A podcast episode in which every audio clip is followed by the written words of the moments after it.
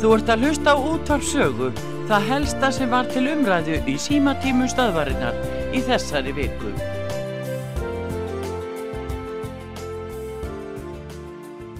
Við ætlum að uh, opna hér fyrir síma einþingjandi á línu, gjörðu svo vel.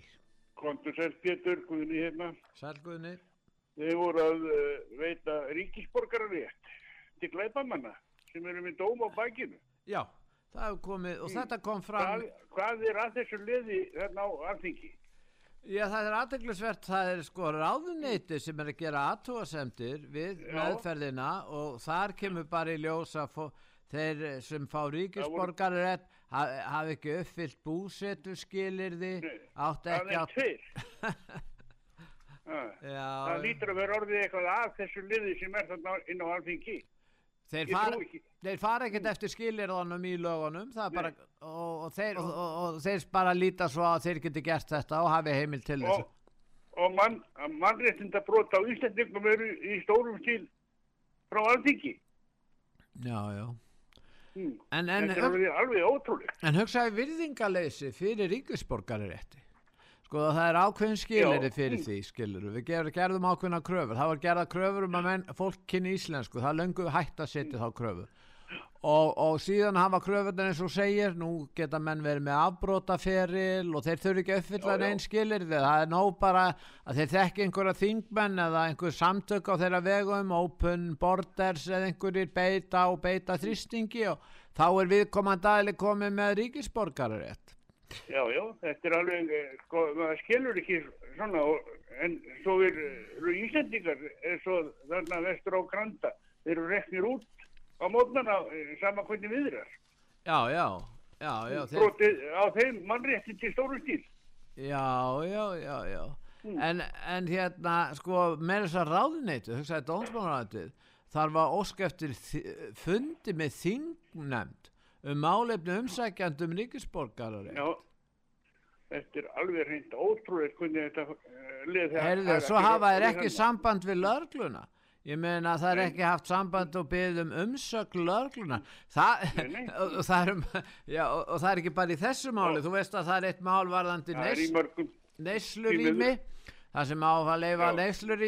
Þá talja sömur þingmenn að það sé engin ástæði til að taka marka á umsögn lörglunar í þessu máli. Og hver Nei, veit nei. meira um þessi afbrót heldur en lörglan sjálf? Ég veit ekki hver ætti sem að gefa alveg, eh, sko, þetta er orðið hrið, að mínum dómi bara eh, stór hluti að þingmannum er orðin hriðjverka hópur. En þetta gefur líka upplýsingar um það, Guðni, hver lítil virðing er borin fyrir sko íslensku fullveldi og þessum eh, rétti, mikla rétti að fá að vera íslensku Ég veit ekki, þeir virðast hafa einhverja eh, penninga út úr þessu að mínum dómi. Það eru mútur greiðslur í stóru stíl þarna. Í gær rættum við svona í gríni við viðar um það hvort það væri ekki best að bara selja ríkisborgarrétt. Eins og staðin er núna þá væri það miklu skinsanlegra því þá væri þeir kannski Það er það er borgunamenn til að kaupa slíkan rétt, það væri þá Já, kannski já. einhverjir eitthvað sem þeir hefðu en, en, ég, en við vorum að tala um þetta í gríni en ég held að menn fari bara að tala um það í alvöru. Fyrst að þetta er á ég held þessum þetta sé í grundvöld alvöru. Hm, Já, já, hm, Ég hef grunum það, en ég ætla að láta þetta döga verður. þakka ég fyrir Guðni. Takk. Að þér.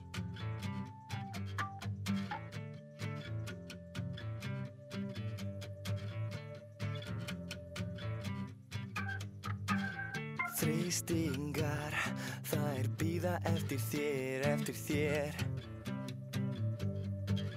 Smjörið drýpur af hverju strái fyrir sig, allt fyrir þig. Önnur veröld, býður fyrir handan næsta stig. Finnst þér að þú sért lifandi, lifandi Þér að lífið sé þess virði til að lifa því. Ekkert eftir. Þú stendur einn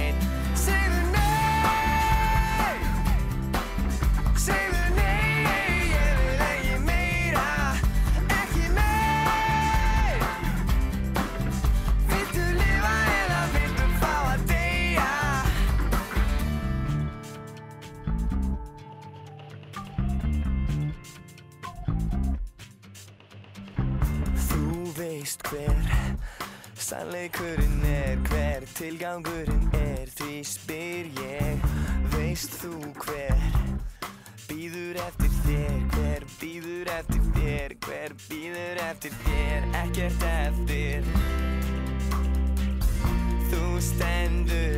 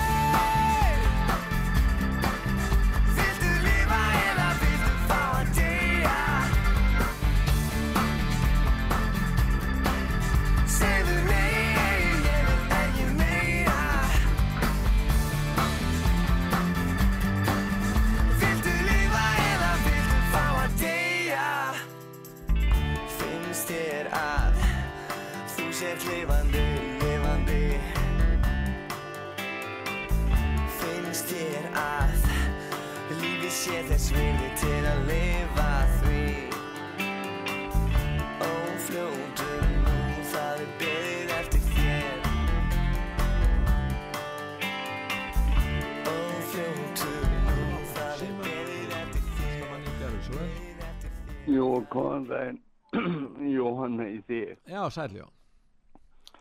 Herru, þetta var akkurat sem er dætt í hug fyrir á þær. Þessi ungi maður og var í sjóarfinu hérna og var að frá Eidum Já, og hann ekki vera á vývillin.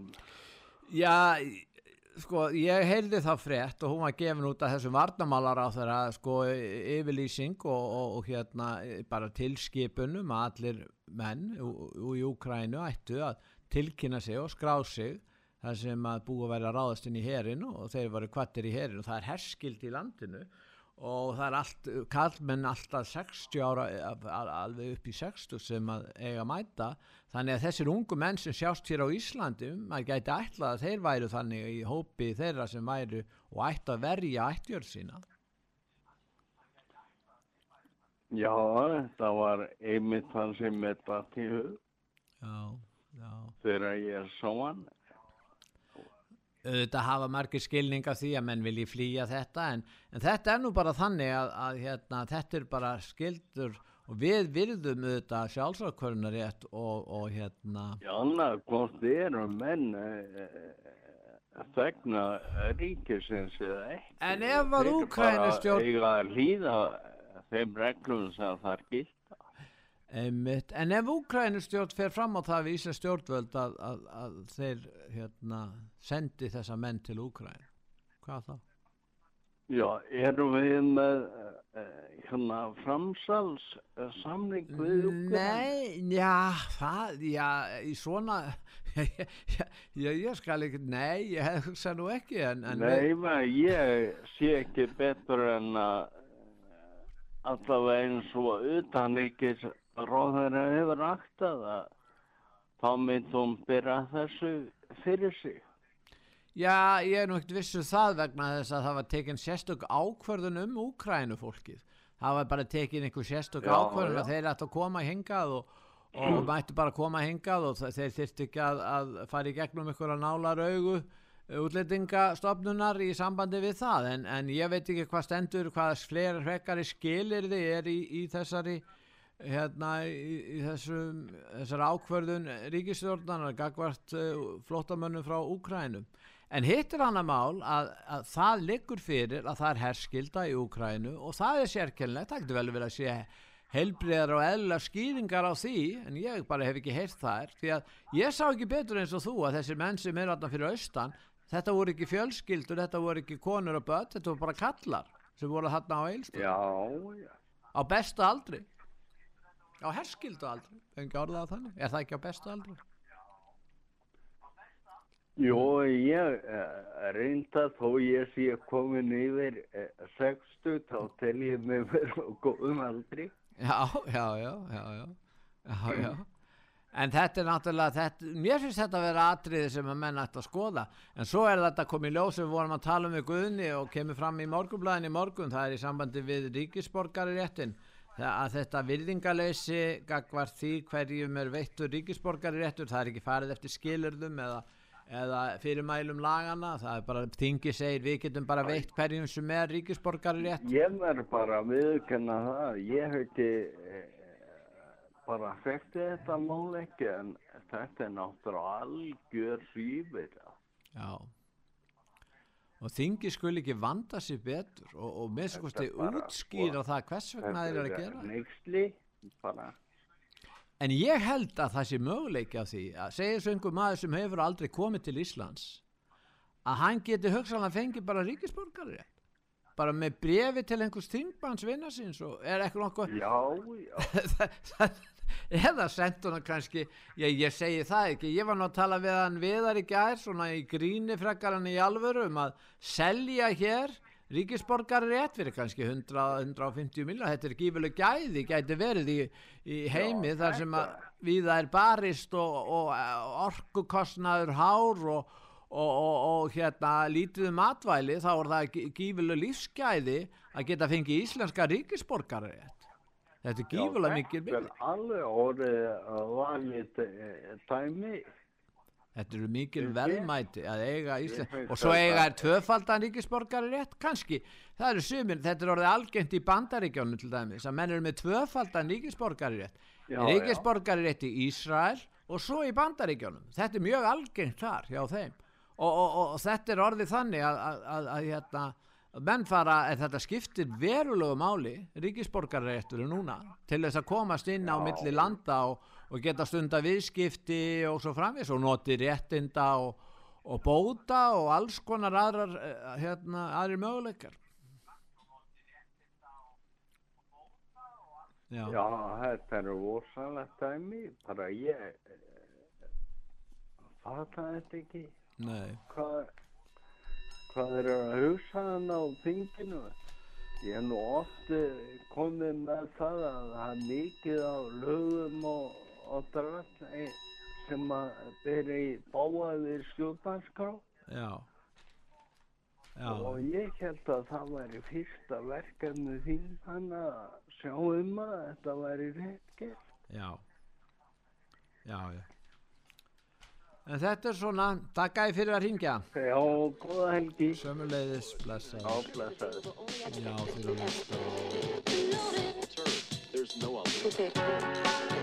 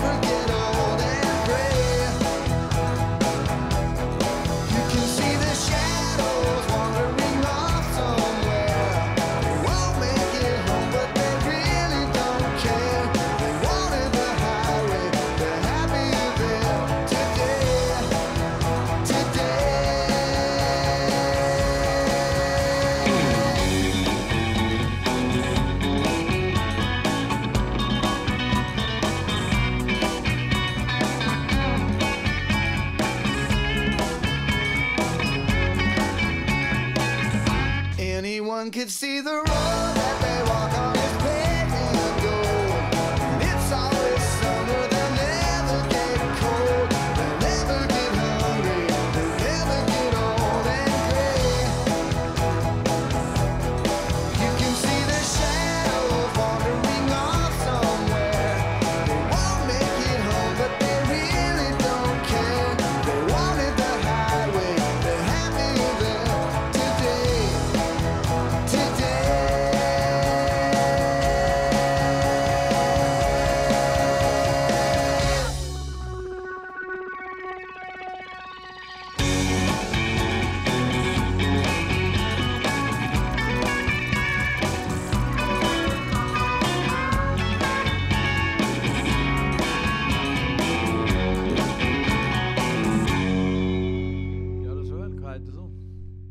Já, svolítið blessaður Jón þetta ég. Já, sæll og blessaði Jón.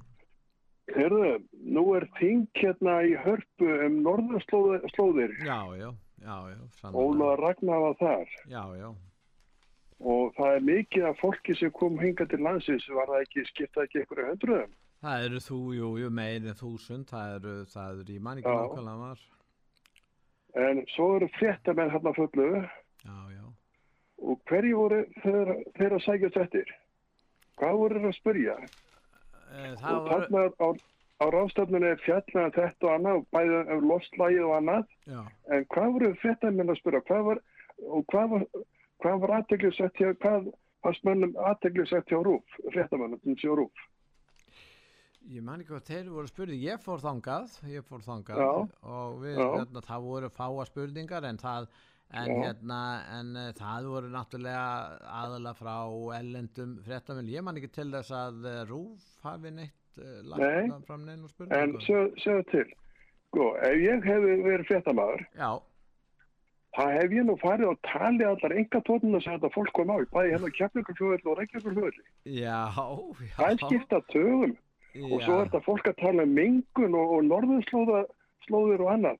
Sko, en býtum við, hvernig kom þetta fólk yngur til lands? Þetta, sko, þetta kom ekki með verðilega farþegarfljóðil, allan að mjög fáir. Uh, já, Akkur, ak, heldur, akkur heldur, fór ekki, heldur, akkur fóruð fréttamenn ekki með það í, í fartækjunu að telja allar engaþóttunar og spurja bara, eru eitthvað þykja vant um, um, um, um hérna, því sem er andið okkur, akkur akkur farið þið á, á, á orkufegustu flutningarlegarnar engaþóttum hingað að hanga á svona ráðstæðnum stað fyrir að taka þá hagstæðari flug, samennast í flug og, og, og, og vera bara í bara fullsetnum flugjölum þess að spara orkuna. Ég veit ekki hver margir hafa komið þarna engaflugulni, ég bara veit það ekki. Þetta er mjög góð, er mjög góð, góð, gott, góð, góð aðtúasemt hjá þér Jón. Auðvitað hefur þetta verið, en, en þú segir, er, voru sérstaklega margar vélar núna á, á Reykjavíkuflugvelli eða, eða kannski líka... Já, ég án ekki heim í Reykjavík en þarna þær eru hérna eru gífulega margar sem eru búin að koma. Já, já, já, já. En Ég hef ekki talið þær, en það hefur engin talið þær, það er engin pælt í þessu, það pælir engin í þessu. Og Þegar það ég, pælir engin, engin um, sko, um, um það sem máli snýst. Já, það voru sko fyrir hlutanum þarna sem ég var á það, það, þá var, var, voru þarna frumbyggjar sem að eða, eða frummælindur af frumbyggja ættum sem voru þarna að, að fjalla um bæði frá Kanada og Alaska og Grænlandi og, og þetta er fólk svona sem að, sem að, sem að hefur ekki heyrt. Þetta var aðtöklisvert svona Já, já, sem já. þeir voru að segja þarna og mjög frólægt að heyra þetta hvað þeir voru að tala um. Síðan var helt þingið áfram ég gæti nú ekki verið þar svo lengi en ég heyrði náttúrulega byrjunin á þinginu og, og hérna Já, það, var, það var þarna eh, tróðfullur salur og mikill áhugi á að heyra svona. Og það var einhvern tvent rætt um annars vegar innrásina í Úkrænu og hins vegar náttúrulega lofslagsbreytingar af mannavöldum eins og það var bara spurningi hver miklu leiti það er og, og það er náttúrulega segja að þarna sé samankomin hópur sem er í, í svona í forsvar í fórustu sveit þeirra í heiminum sem berjast gegn uh, lofslagsbreytingum af mannavöldum ég býst við því að það sé nú þannig sko Já, já, og sko, ef þetta fólk sem hefur komið ef það hefur vakið aðtegla á því að það hefur myndið samennast í að fara með, með farþögaflugulum Já. hingað og þangað og samennast og nýta plássin og komið hingað Mm. og, og, og lagt að virkilega fram á borðið að það sé að taka þátt í að reyna að minga sem allra mist. Já. En það gerði það bara ekki. Það Nei. kom bara allir hér á, sín, á sínu vegum, haldi enginn í því e, hvern, hvernig, bara þau komið hingað Já. og enga þóttum sem er hverjir og svo bara löpuðu það hérna og töluðu um, um þarna ímyndklassi, ég veit ekki alveg hvað var, en eh, ég vildi bara vekja aðtekla þessu, fólk er svona ekki með, sko, þetta fólk uh, lifir allt, í allturum heimi heldur en við hinnir sem lifum hérna og tökum þátt í, í, í náttúrunni, sko, við eins og með mig, ég hérna hef aldrei lift mér að, að sóa orku í, í bara eitthvað. Ég keiri bara minn bíl e, þegar ég nöðsynlega þarf þess. Þeir Og ríku hérna- og ofurríku hafa náttúrulega miklu meiri möguleika og á því að, því að það. fólk, ég tala nokkuð fátætt fólk, er ekkert að, eh, sko, það er í ykkur aðstöðu til þess að, að, að, að stunda mikla neyslu og þar með orkueðslu, það er ljós. Nei, ég hef alltaf þurft að veltaði fyrir mig hvað ég er að gera. Og Já, ég hef alltaf þurft að pæliði, sko, ég hef með bíla, ég hef hérna, alltaf þurft að kaupa bara eitthvað enganla bíla og, og, og, hérna, og gera við þetta bara sjálfur og, og, og spara það sem maður, maður er að gera og, og hérna og ég áls með þessu uppi þegar að spara eh, kaldavatnið, láta það ekki renna til óþara og, og, og ég er bara þannig hjá mér sko, ég hef kvökt ljósið það sem ég er í húsum annars það er bara slögt, já, þetta hefur bara allatíð verið í minni meðvöndun já, að að sparna það sko því að hérna e, e, með því að líta hlutina sko ég hendingu mat.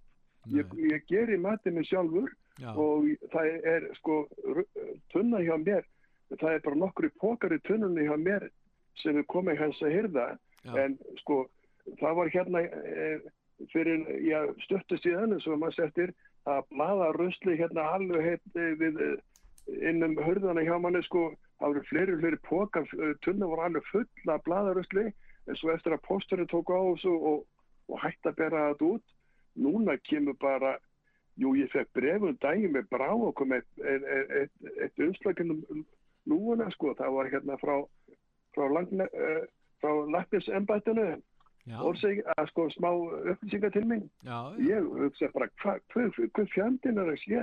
Eh, hérna áður fyrr var hérna pókarnar alveg fullir sko bara eftir daginn, en núna bara kemur ekki neitt. já, já, Þetta, er- þetta eigum við að, pæla í. Já, og það er búin að vera núna eftir þessi ruslpostur hætt að berast úr húsin, já, það hefur örgulega verið sparnar upp á 20 miljardar í, í innflutning hingað á pappir og yðslu á pappir og, og þetta er, er, er umhverfis eh, vend, myndi ég segja. Heru, ég ætla ekki að hafa það mikið lengra, ég ætla bara að vekja aðtekla þessu með þessa loftlasrafstöfnu hérna eða, eða umhverju norðurslóða hérna að eh, þessi menn koma hingað eh, er ekkert að pæli mingun og öðru. Þeir koma bara á sinna eigin vegum, enga þóttum með hingað og þangað og er ekkert að saminast að koma í flugi saminlegar hingað. Þeir koma bara hingað og minga þess mikið sem mögulega geta. Ég er svo að segja bara takk fyrir mig, eða góða stundir. takk að fyrir þetta, Jón, Já. blessaður, já, dagsjón í dag.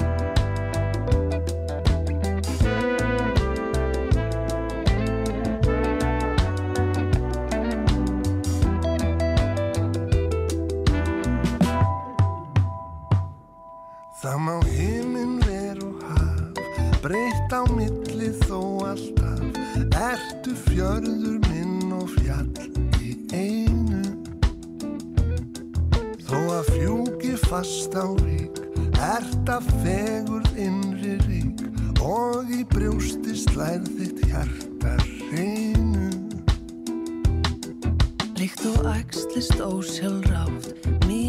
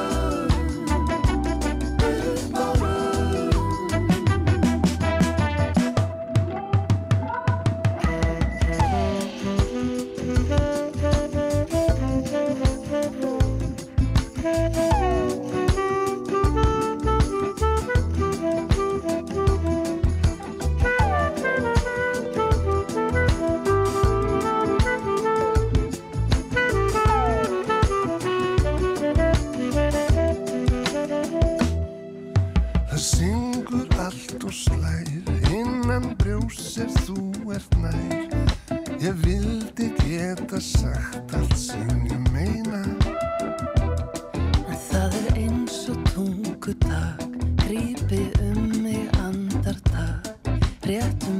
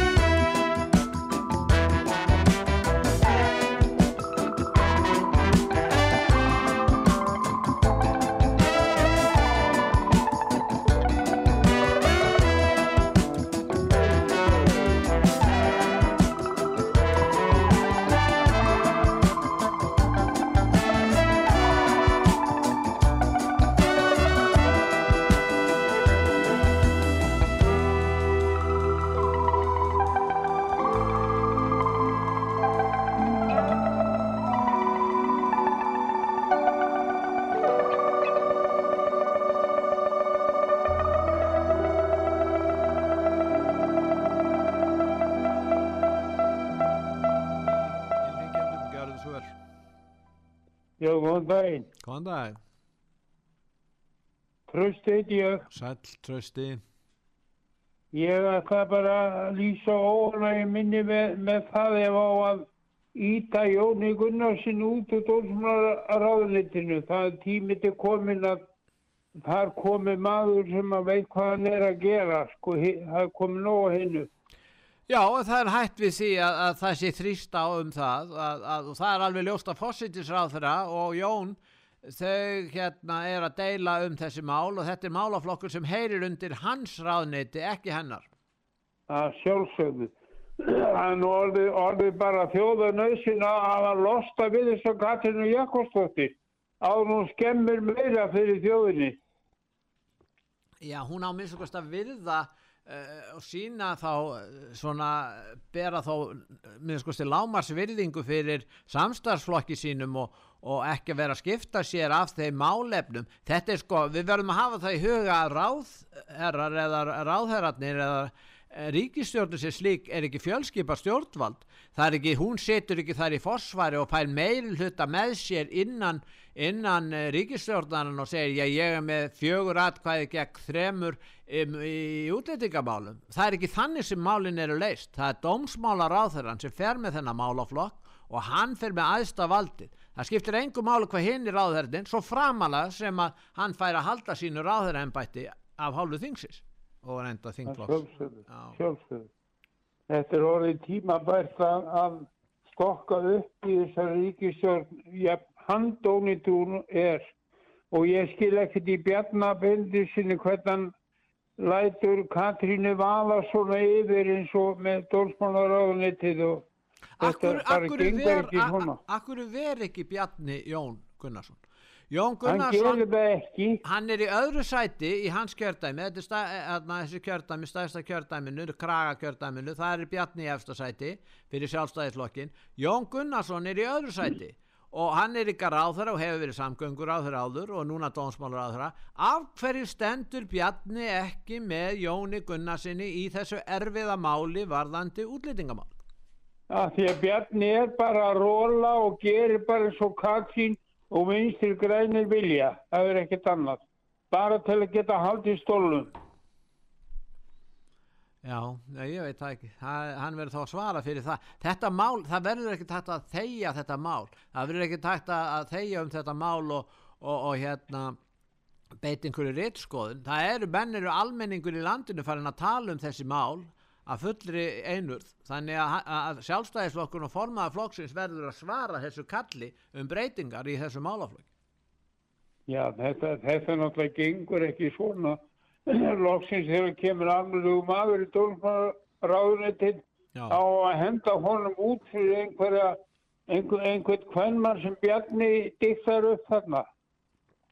Já, þetta er svona Þetta er alveg ömuleg stað á orðin í þjóðfélaginu. En trausti við hér á sögum munum fylgjast með þessu og, og eh, almenningur getur þetta hringt ingað inn og, og láti í ljós sína skoðin í þessu mikilvæga máli og málaflokki. Já, ég held að, ég held að þjóðin fylgist vel með þessu orðin. Þetta er, þetta er orðin þvílitt anskotas rugg. Það verðist vera takmarki hjá vinstri grænum og, og uh, pýratar upp honum að rústa þessu þjóðfélagi. Já, það verður eh, einn, það verður pírati, þingmaður pírata verður hérna í dag. Hann Andrei Singi, hann verður hérna klukkan eh, tvö í dag og þá hérna getið þið heyrt hvað hann hefur um þetta að segja allt saman. Ég nenni nú ekki að hlusta á þann mann. Nei, Það er ekki ég. En ég þakka þið fyrir trausti að ringja til okkar. Blessaður að hlusta.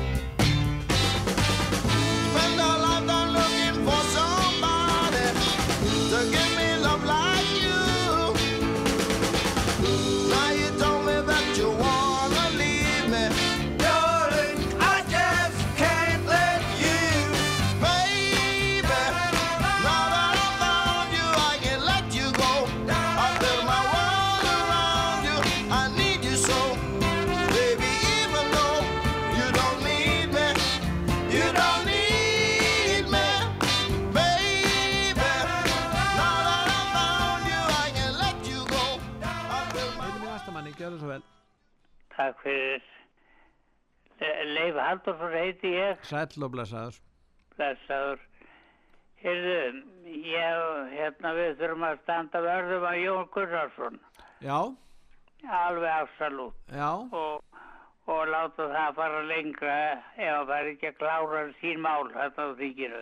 þá eiga, eiga þingmenn sjálfstæðisflokksins að segja við formann sinn, við ætlum ekki að vera í stjórnarsamstarfi ef að Vafki neytar að, að standa við lofur sín í stjórnarsáttmála. Já, og ég er tilbúið til þess. Já, Og eins með hann Ásvöð Friðriksson, já, hann eitt okkar besti maður líka og þetta eru báði menn sem hafa þeir ekki þátt í já, og Já. þeir vilja spara á sömu sviðum sem að vinstri græðir hafa aldrei getað. Þetta er fólk sem hefur uh, rifið kæft upp úr, upp úr, uh, upp úr sjálfur sér og hérna og hérna skal ég segja þér og farið svo frjálslega með og vilja eyða öllu jafnóðum. En þetta eru menn sem hafa unnið flest störf og, og, og hafa staðið sér vel í. En og f- með að bjarta Ben vil ég líka nefna Já. að það er besti þjálfaraður um haft í tíu ára. En segðu mér eitt með Bjarna, akkur stendur ekki, lýsir ekki Bjarni stuðningi við Jón og, og, og hérna og, slær skjaldborg utan um hann sem ráðherra, gagvart fósittisráðherra. Hann verður að standa með sínu ráðherrum, hann Bjarni er það ekki, finnst þér að hann hafa staðið sér nógu vel í þeim öfnum?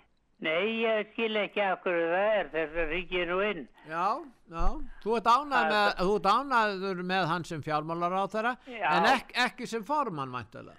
Ekki að þessu leiti, nei. Nei. Þetta er alveg djöfulegt og menn verða að körða sér róf og standa með sínum mönnum eða þeir standa sér vel. Já, sérstaklega í Þeir svona svo vil erfiðum ég málum. aðeins nefnuna svandísi. Já, Heyrðu, þegar þið voru að byrja að hvarfa þar, já, já, og allt í lagi með það, sá hún, en, en hún var að stjána við því að hún myndi sennilega stoppa þetta af næst. já, já. Já, já. En það eru tíur manna með vinnum með aðstu laun sem eru krydd á landinu Já, og þetta er mikið skólafólk og þeir hafa átt fyrir skólanum alveg skuldfritt. já. Já, ég þekki það vel. Ég fer þarna inn til hálfrúnalega allt sömarið. Heldur að Svandís eh, banni þetta núna á þessu ári, væntalega? Já, ég sko, ef við gerum á það, ef við gerum það, þá er hún líka búin að banna sjálfa sig sem stjórnvaramann. Hvalur á svo mikið af, af fólki og velurunum að þeir myndu láta Svandís fara með ykkur ráðum. Einmitt. Eða, heyrðu, svo, svo fórhættur ráður og, Kristi Jakobs Já, og, og, og, Katrín Sef. já, Nú, hún er að til óttarsmálurum búin að setja þjóðuna í stórar skammir fyrir þetta og, og hérna afsakar ég var svolítið vond með að tala já, allt í lagi. út af veikitum Já, og hérna og, og hún er að nú með hóp manna upp á jökul til að til að friða við eitthvað djöfulegi til hvað er. Já, en svo er þetta tótt tjafta þetta lóttastótt já, það eru svona, það er spurningin að hver miklu leiti hérna lofslagsbreytingar verða mannavöldum og það er svona umræða um það og menn ganga misjaflega langt í þeim efnum.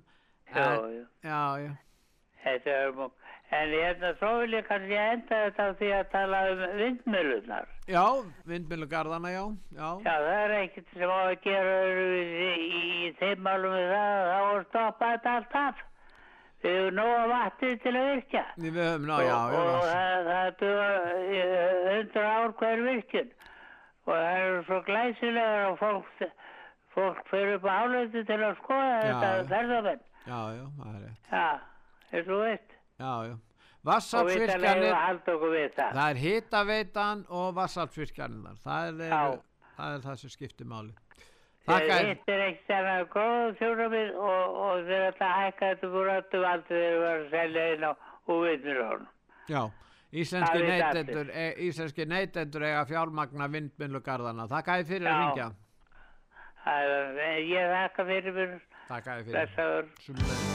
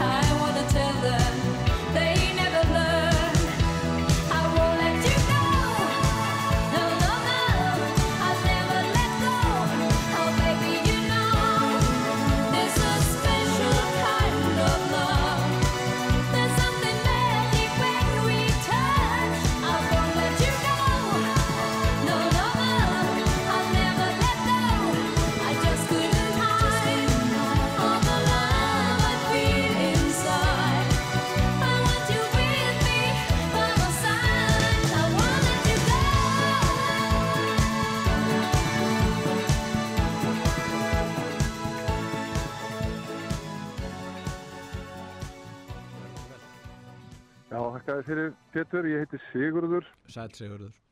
blessaður. Herru, ég er á póstlista hjá hennu Robert Spencer sem að sem að kom til Ísland fyrir fimm árum og það var eitra fyrir honum í bæ, skemmti í. Já, ég man eftir. Hann heldur út í heimasíðu þar sem hann fylgist með, uh, sem sagt, hvað segir maður, uh, þar sem að múslimar eru að sem sagt, drepa og, og, og kúa og annað sko. Já, Og það var að berast hræðileg frett frá Luxemburg. nú já. Múslimi, hælisleitandi, Já. hann uh, tók unga konu og tók af henni hausinn Já, já. og það hérna hálfsjóana, nýkomin til Luxemburg og, og var að leita sér að hæli Já. og tók af henni höfuðið. Leita betra lífi fyrir sig, vaktalega. Já, væntanlega sko. Já.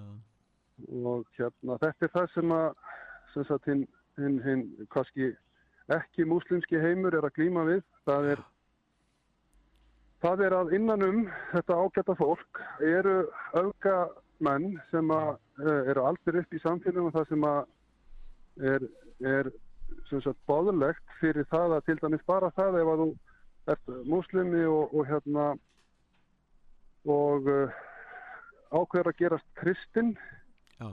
Eða, eða trúlaus eða eitthvað annað að þá ertu sem sagt, rétti dræpur þetta hljómar öfgakent hjá mér en þetta er, ég er ekkert að búa þetta til Nei, ég er ekki að skálda þetta upp sko nei.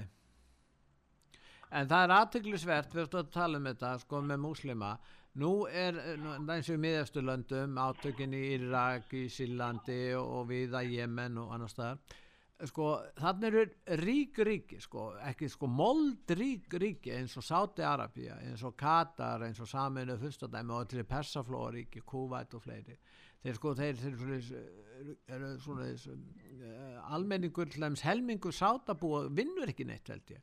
Katarmenn flyttir bara vinnu upp sem þræla en þegar að fólk er að flótta menn á svæðinu frá Sýrlandi eða, eða Jemen eða Írak eða hvað sem er þá taka sátandir til að hafa alveg gífulegt landsvæði, þetta er eins og hálf Alveg Evróp- svakalegt. hálf- ha- þetta er eins og höll vestur og stærra og hérna þar hafa þeir fjármunni, þeir hafa aðstöðu, þeir hafa menninguna, þetta er arabísk menning, þeir tala arabísku, uh, eru múslimar, heyrðu, byrju við, þeir taka ekki við neinum.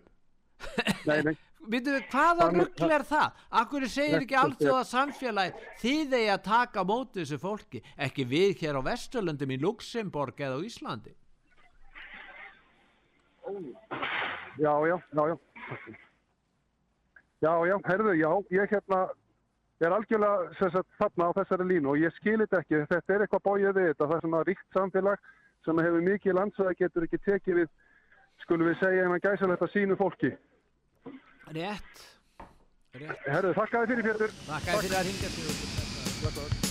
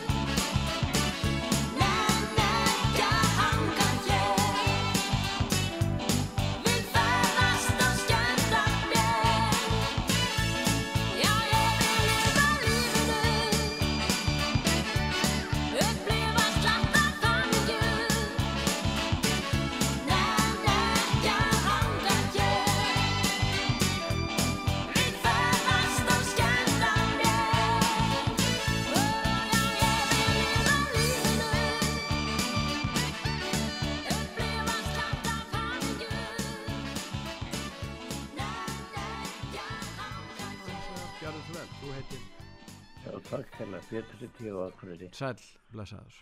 Ég var nú að hlusta á þetta í gera nú, ég er nú bara alveg hættur að veit hvað snýr upp að niður. Já, Ég held að, veit ég hvað það hérna, hún og veistu hvað eins ég þetta sé bara að reyna að stoppa með eitthvað einræðisvík hérna.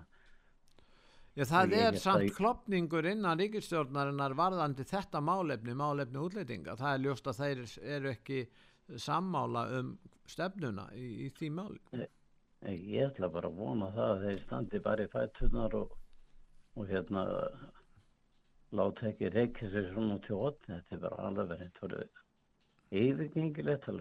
Ég skil ekki eins og ég sagði áðan hvað með formann sjálfstæðisflokksins sem á að verja hagsmunni og, og ráðherra sjálfstæðisflokksins akkur er hann lætur þetta viðgangast að, að hérna fósittisráðherran skuli vera með hérna uh, uh, með, með beinar árásir í raun og veru á dómsmálaráðherra Nei, ég skil það ekki. Ég finn að halda eins og hérna, ég hefði sem að segja í útærfinu að mann það er hjá ykkur að hvað að að þessi ríkstun hafa verið myndu bara tennum einhverja rassa og stóla. Já, jú, jú, en, en sko, en það þarf að verja þessa rassa og stóla fyrir gjáðu. Það, það, já, það en- þarf að gera það og ég meina ef að sko annar aðlinn, hann nú sástæðisflokkurinn er stærsti flokkurinn í stjórninni og talsverð stærri flokkur en stjórn, er flokkur fósitisráðara að af hverju þeir sætta sig við það að tala sér svona um þeirra ráðherra og reynda að grafa undan í raun og veru uh, ímynd ráðherrans og möguleikum hans til þess að koma í gegn þessu erfiða frumvarpi varandi breytingar og útlýtingalóð. Ég skil það ekki, ég ætla bara að móna þið fara að hérna vakna og standi við bakkjáum, ég er alveg svo hjartalega sammálum. Og svo er annað sem er til að benda á að hérna uh, sambandi allir þessa dóma sem að ríkið er að fara í og, og tapar þeirri 99% um að hverju málsvögnum sem að fara í. Hvað þetta er ekki bara að fá einhverja gerfgrind sem bara ákveð bara eitt fyrir því fyrir hann hvern látt þetta mánuðu fall eða, eða fyrir mægt í það. Ég hef Já. skattborga og þurfum að borga allir þessa peninga og ég bara skil ekki hvaða, hvað skonu löffrænga ríkið er með. Við bara töpum ást 99% af öllum málum sem ferum í mál við. Ertu, ertu með eitthvað sérstætt í huga? Ertu í sambandi Ég við bara eins og þessi mál sem voru núna eh, fyrir dómstólunum síðast og, og, og voru feldi hæstarétti. Já, er, var það, að tala um útrásarmálin, milestone, eða að tala um... Já. Já, það er svolítið, já, já, Ég held að það sé best að bara fá sér bara gerfugrind sem bara segja annarkoð bara já eða nei. Þannig að við sem ekki eða fleiri miljónum eða miljónum í einhverjum málsvögnu sem við töpum alltaf. Ég er bara alveg hægt að skilja þetta. Já. Tímið, þú voru bara fyrir ég er ekki lög með þetta. Nei, nei, ég minna almenningur, dóm, dómskerfið er fyrir íslenska þjóð, skiluru. Og, og, Ég, ég, held það. já, En- hún er en ekki, er þetta er ekki bara ekki enga mál geta- lög, lögfræðinga, nei, það er Nei, langt nei. frá því. Eh, Ég hef nú ekki gett að fundið það að veskinu mín að hérna dómstólinn að segja þannig með að við Nei. eins og segi. Nei, rétt, já, það er rétt að mér finnst allt sko bara eh, gegnum tíðin ég er múin að fylgjast mikið með þessu. Já, og er núna 73 og við finnst alveg ótrúlegt hvað ríkið er að tapa mörgum mólum já, og bæja félagna, ég bara skilu þetta ekki. Nei, þetta lendir bara á okkur já. og mest á þessi minnst á milli handana ég ekki, og nú ætlum ég ekki að hafa lengri þetta annað Takk að fyrir Pétur að í Takk til okkar. hérlega. Vem söker följa varje steg du tar? Vem är det du ger din hand? Och som får följa dig hem?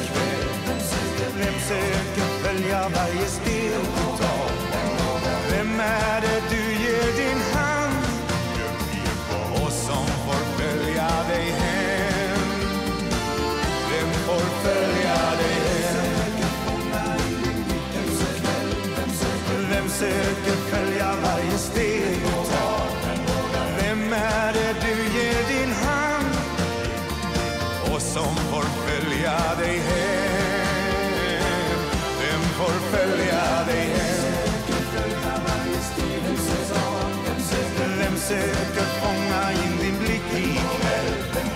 Vem är det du ger din hand och som får följa dig hem? Vem får följa dig hem?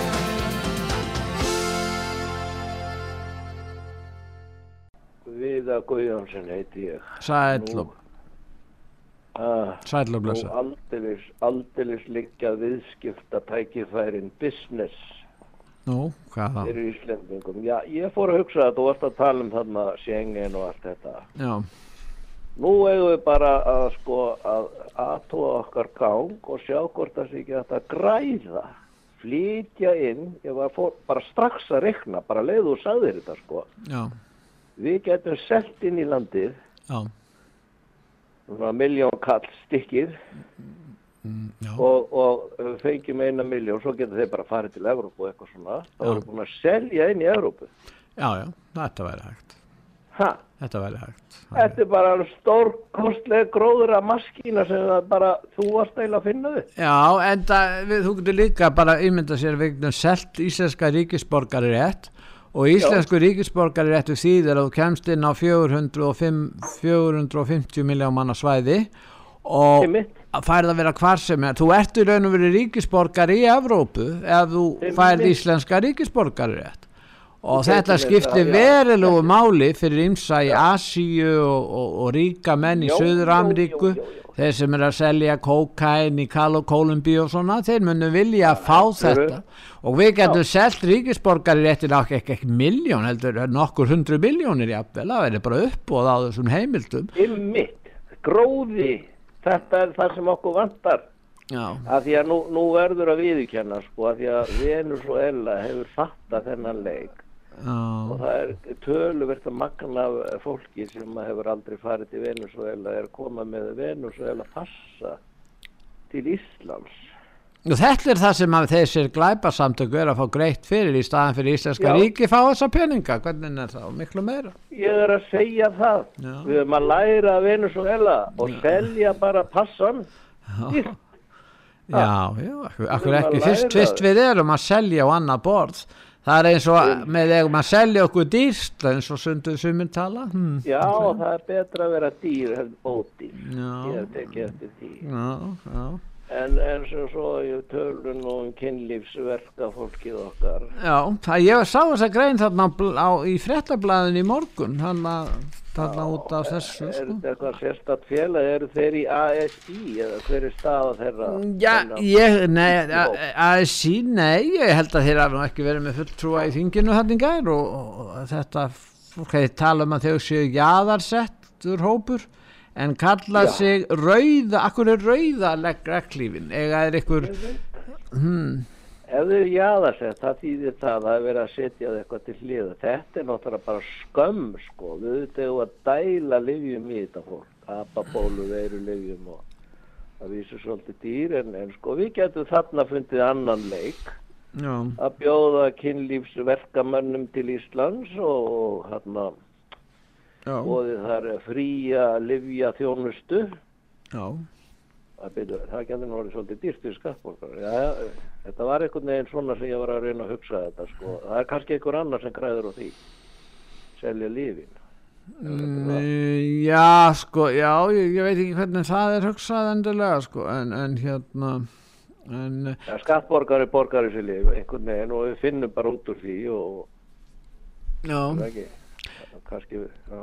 en ég hef ekki heyrt, sko, ég hafði ekki heyrt um að þetta væri samtök hérna fyrir þessu og, og hverjir það væri sem gætu átt aðild að þessum samtökum, hvort að út, ellendar konur sem ha, hafa verið að koma hingað í þessu skinni og hvort þær geti verið í þessum hópi líka því að það þyrst að, það er þyrst að vera það til þess að það er nýttu þeirra þjónustu sem er nöðsynlega af hálfu heilbriðis yfirvalda.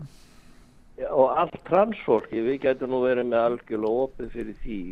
Já, það kemur nú kannski ekki boðið þessu hérna fríjar breytingar Það kemur nú engar- líkamsbreytingar að vísu svolítið mikið og svo geta þeir fengið einhver veist, ef, ef breytir þér sko í kallmann þá þarf það að fá hormónalíf og alls konar lífjagjafir til eilíðar. En það er til útrefst Já, ég sé ekki, Íslenska ríkið er nú vel statt og gæti nú hjálpað þessu minni luta hóp. Já, ég, jaðarsetta hóp. Ekki saman því? Já, ég sé ekki alveg að tengslinn við það sem við vorum að tala um áðan, sko, ég minna við þú varst að tala græða, bara Já, það er nú og engin hag- selja inn í landið á fleira fólk. Það er ekki það markmið sem við erum að búa okkur til.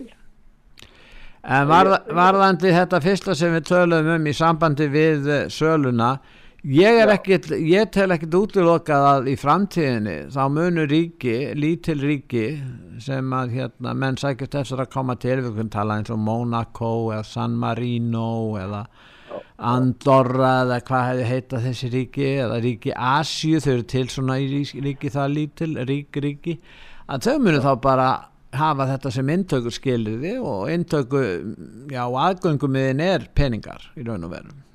Peningar Já, sem, er sem er þið græða. aðgöngumiði inn í þessi, sko ég er bara að tala um sem gæti orðið í framtíðinni, því að þetta er ekkert ólíklegt þegar að það verður sóst eftir því að komast inn á ákveðin svæði, það skiptir máli inn á hvaða svæðum þú ert. já, að ég, ég er nú Það er fyrsta, að fyrsta og annað og þriðja farrými eins og, eins og, eins og, eins og gerist á milli. Já, bara bara, já, það er nú sem, já, bara fylla vélarnar og bara inn í landið og að ég hef tekið eftir því að, að sko, ef við búum til þenslu, sko, ef við búum til þenslu á fastegnamarkaði, Já, þá er náttúrulega verið mikið, sko, ef það kemur svona mikið af fólki, þá Mm. getur, sko, leigusalar og þeir sem eru að byggja íbúðir grætt, sko, verulega, því að þá vantar húsnæði. já meir, meiri eftirspurð, því það er meiri hagnaður, já, já. Já, búum til þessa spennu og þá geti ég kannski grætt aðeins meira. Þú gætir, verra. þú gætir hækka hjá því leiguna við, er það ekki? Já, ég sé þetta á, já, já, vilt þú bara ekki vera, sko, borga herra? Já, ég menn, Nei. Það er Venezuela búum sem Þú- að vilja komast inn. þú myndir ekki, segja, þú myndir ekki segja það við að það væri allt miklu hærra, leigan væri, það sem áður kostaði 100 áskall kostar núna 200.000 og svo leiga sem kostaði áður 300 kostar núna halva miljón, þannig að það, þú myndir bara segja þetta er bara leigan á markaði, mun- þú myndir Já, ekkert segja neitt leiga, annað. já, verið góð í kallin jáfnvel, sko. Já, farið niður úr 500 niður í 460 eitthvað svoleiðis Af einstakri góðvild þá Já. myndi ég bjóða örlittla lækkun. Þú verið landsfrækt góðmenni við þar Hvernig á? Einmitt, það er það sem ég langar til að vera góður. Já.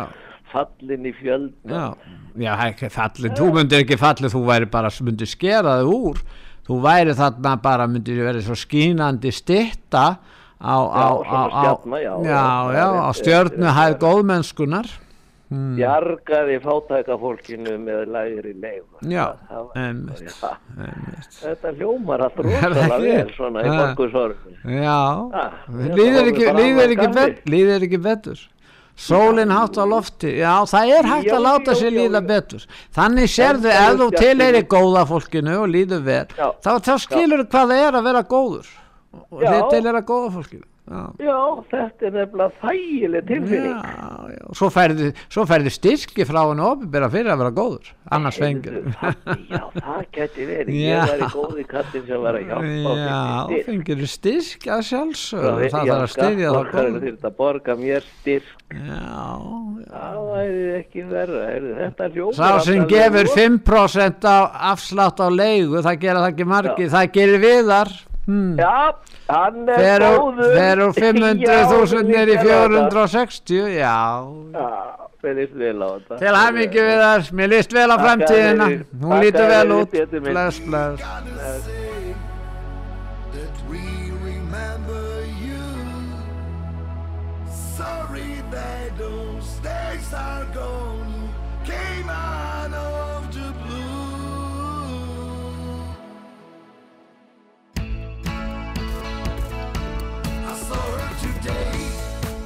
I saw her face in one of face I love, and I knew I had to run away. And get down on my knees to pray. That can't go away, but still they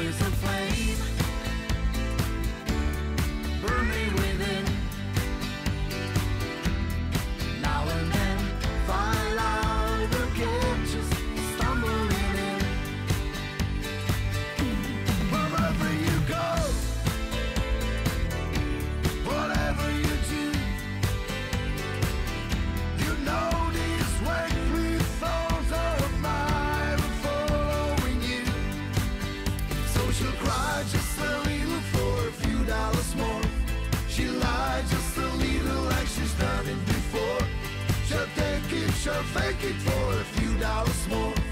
She'll show you heart, then show you the dog. You know she'll die just a little for a few dollars more.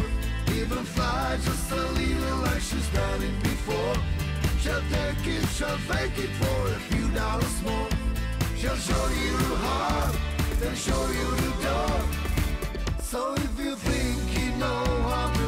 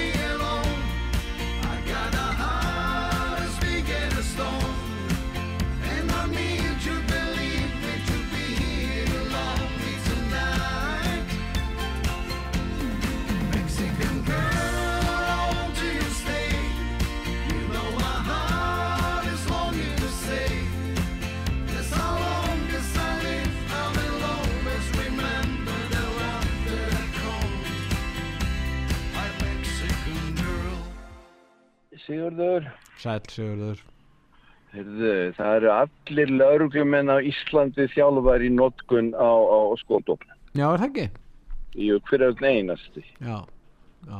Já, og svo náttúrulega það er ekkert skríti að þarna þingheimur vilja ekkert eh, taka á þessu því að náttúrulega þegar hún Sigriði Björk er náttúrulega ábyrg fyrir innflýsting á þessum vélbusum sem komið þarna til landsins, þessu tíu stykki. Hvað finnst þér um þetta sem formaður allsælja nefnda segir, Bryndís Haraldsdóttir? Hún hefur ekki áhyggjur að því að, að verið sé að sapna hér sjálfvirkum skotvopnum. Nei, nei, sko náttúrulega er fossettinn og það er allir búin að fá brefum þetta, þingflokksformen og allir. Já. Um þessar velbissu innflutning þessara háu aðila. Já. Já. Svo, svo er annað sko, það náttúrulega kemur alltaf meira og meira í ljós en, en, en sko þetta náttúrulega er alveg skuggalegt en svo varst að tala einhvern tíman um hérna Credit Info. Já. Já, það er hún hrefna hérna fórstöri. Já. Heitur hún það ekki? Ég veit það ekki.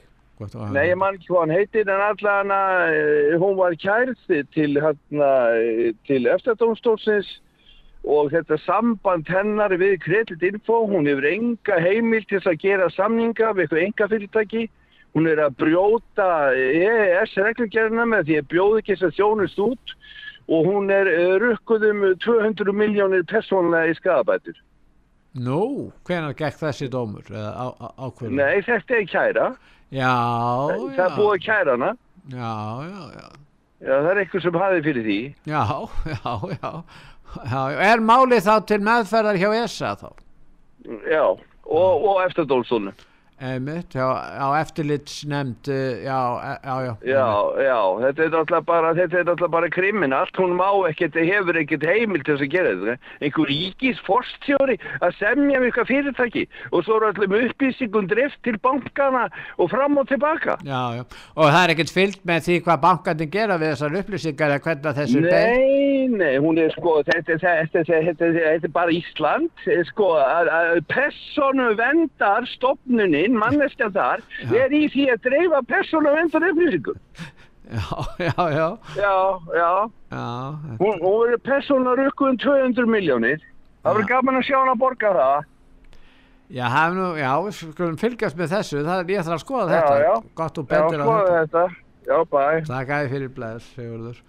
Já, er að hlusta á útvarsögu og síminn hjá okkur 588 1994 við opnum fyrir síma, gjör svo vel, hvað heitir þú? Já, Já, ég heiti Sigurður. sæt Sigurður, blessaður. Ég hérna, mér finnst allt í lagi að stytta sko ræðutíma núna í fjóra mínútur aftur. Já, já, Ég er orðin hundleiður á þessum valgeri sem ringir á hverjum eins að degum rausar tóma anskota svittleysu. en hvað segir þú Sigurður, hvað vilt þú, hverju vilt þú koma framfæri núna? Þessu, Já, ég vil geta hlusta á stöðina. Emmitt, já þú, já, þú vilt bara heyra í, í bjöllunni, ef að heyra í bjöllunni?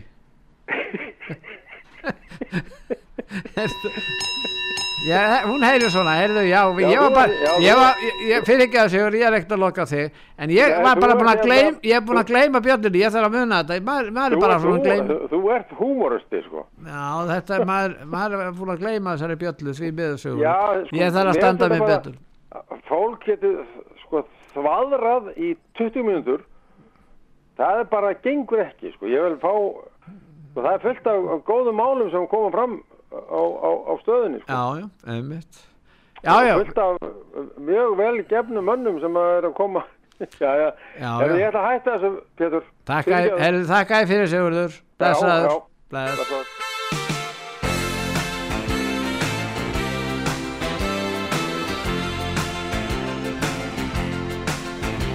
Det som hände mellan oss två. En gång för länge sen. Är sånt jag inte glömmer fast jag vet att det var fel.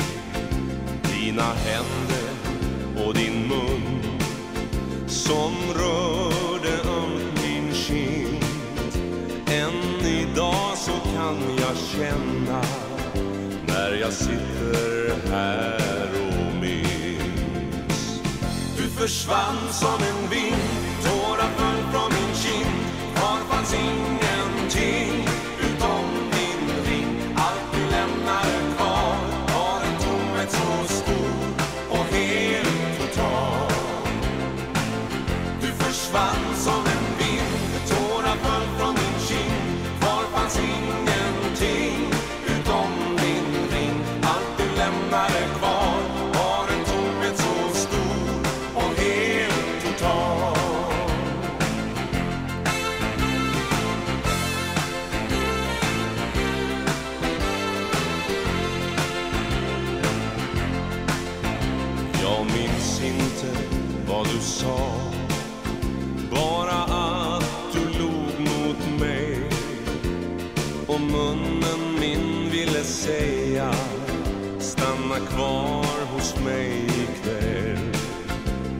jag såg i dina ögon Att du redan lämnat mig.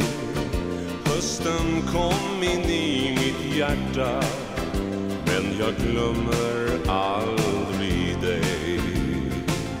Du försvann som en vind, tårar föll från min kind. Kvar fanns ingenting?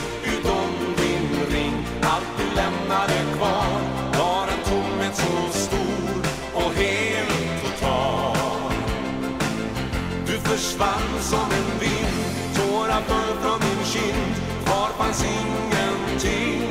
Utom din ring Allt du lämnade kvar var en tomhet så stor och helt total. Du försvann som en vind, tårar föll från min kind. Jag får aldrig veta sanningen.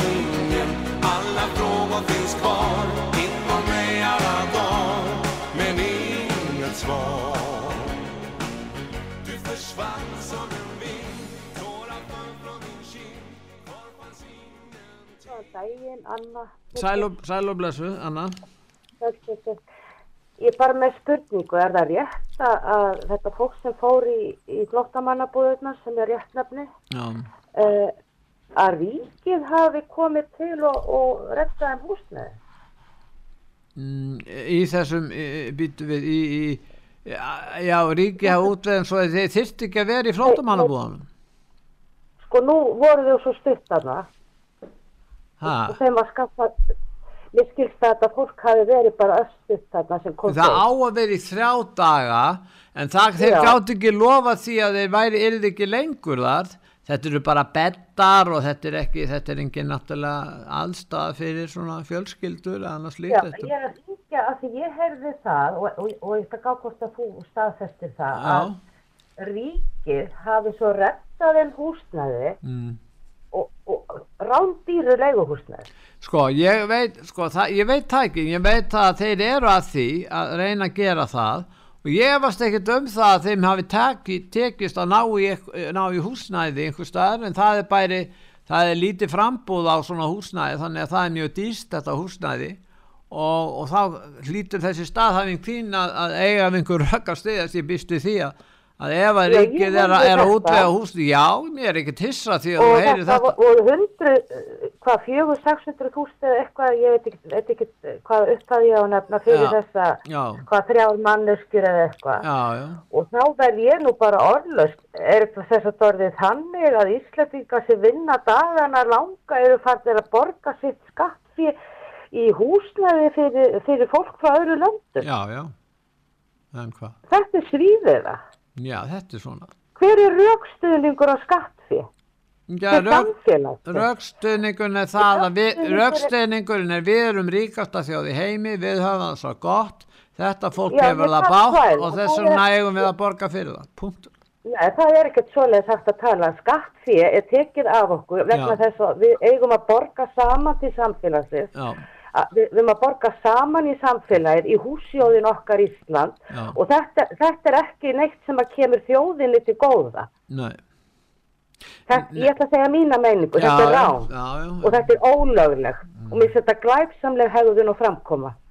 Og gjör og svo vel og hætta þessu að láta mína dættur þræla á laugadögum í burtu frá börnunum sínum fyrir skatt fyrir, í húsnaði fyrir útlendinga, nei takk. En sko- og það er það bara nóg með sitt Nú vita menn Og það að þetta, þessi koma Venezuela manna hún er skipulöð af glæpasamtökum að hluta.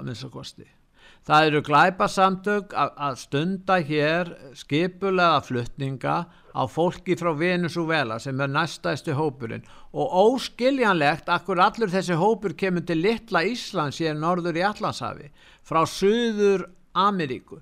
Þetta er alveg óskiljanlegt en það er út af þessu og við erum búin að taka við mörg, mörg hundruð Venezuela mönnum og erum að gera það ennþá og, uh, hérna, og stjórnveld hafa látið þetta viðgangast. Hvað er að þessari Katrínu? Hvað er Katrín að gera Íslandi? Fyrir hvern vinnur þessi kona? Við vitum öll hvað hún er að gera. Þetta er konan sem flegði íslenskum heimilum, uh, börnum og, og hjónum og allt í hruninu. Horfa á hann að hafa sér þver öfugt nú. En annað, þetta er trúaratrið, þetta er trúaratriði hjá fólki sem vill hafa opin landamæri.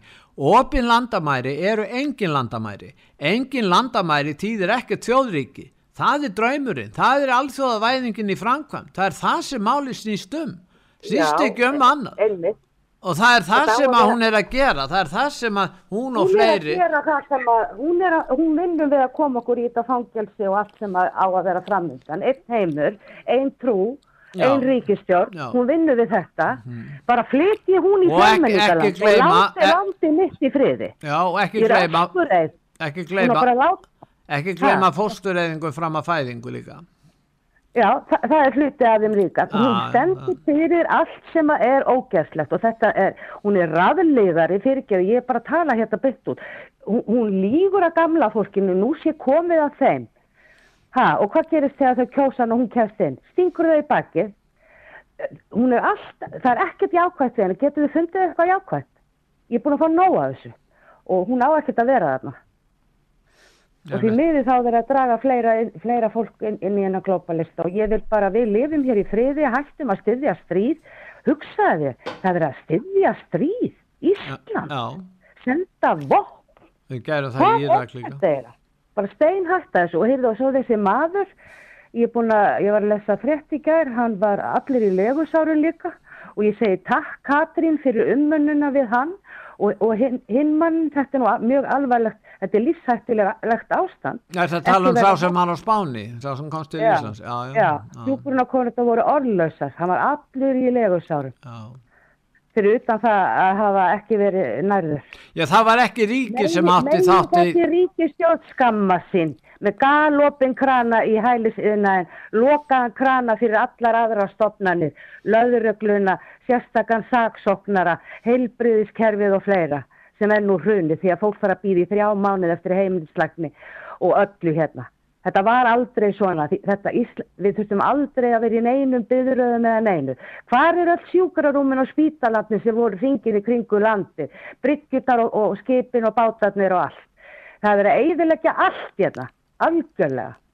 Og ég, sko, við verðum að fara að koma bara þessu fólki út á mótmæla í bæ. En, en hún Katrín, sko, Jésús bara. Þakka ég fyrir Að ringja. biðja fyrir landin okkar. Takk Fyrir ég er bara reið og Já, takk ég fyrir. er það. Bless, bless.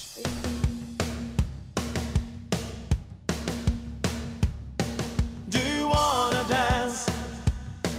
Do you wanna dance? Ooh, tell me, baby,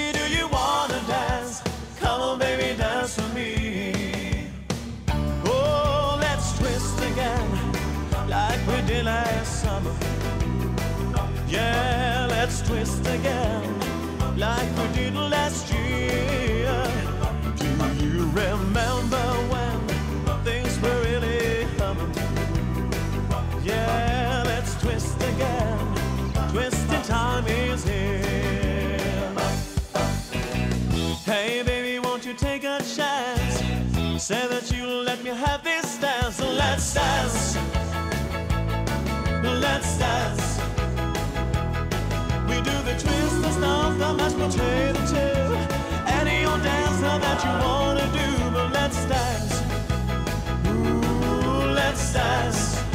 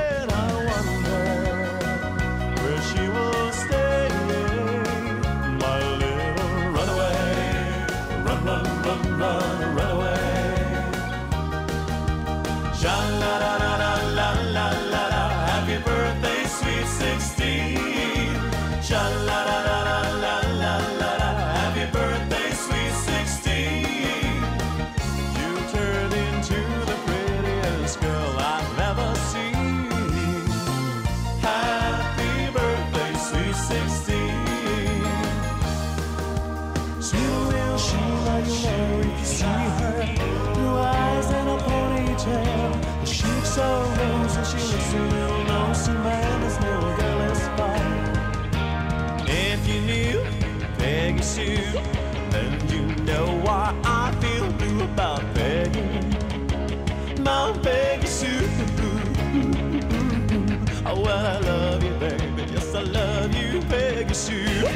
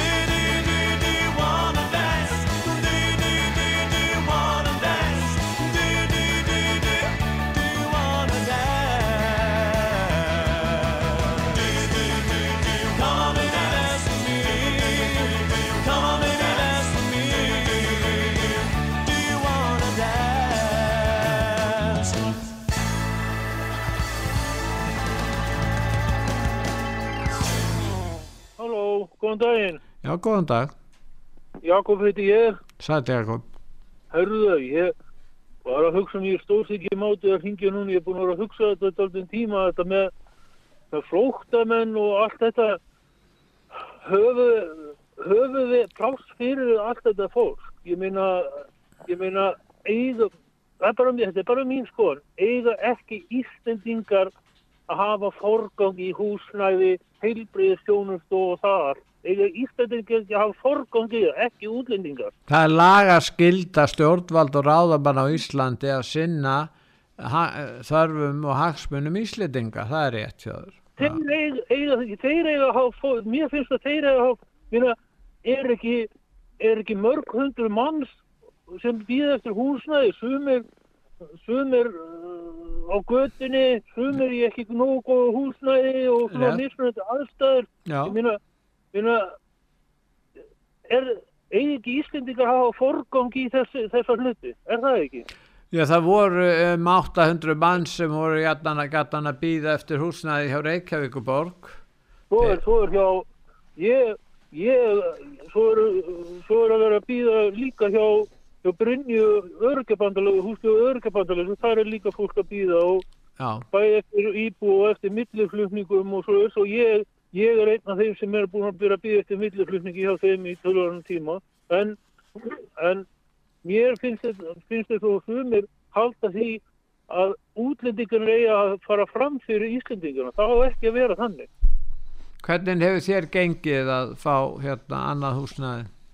Ég hef, hef búin að búa í húsnæði núna í, í- hérna upp í Breiðholti. Mér hefur ekki liðið alveg nógu vel þar og ég hef verið að reyna að fá, að reynda að vera aðeins á hakanum hjá mér síðustu tvö orðin út af svona vissum atriðum sem voru í þjófélaginu en ég hef ekkert fengið ennþá og ég er að reyna að fara að íta á þetta núna á næstinu og reyna að koma eitthvað á næstu mánuðum svona sem mann ma, mann vil geta liðið vel heima hjá sér, er það ekki? Jú, en, en hvaða svör færiðu frá, frá Ég yfirvöld? hef ekki búin að tala við daldum tíma maður, þetta er búin að liggja á hakanum hjá mér daldum tíma en ég er ekki búin að tala við það neitt nýlega.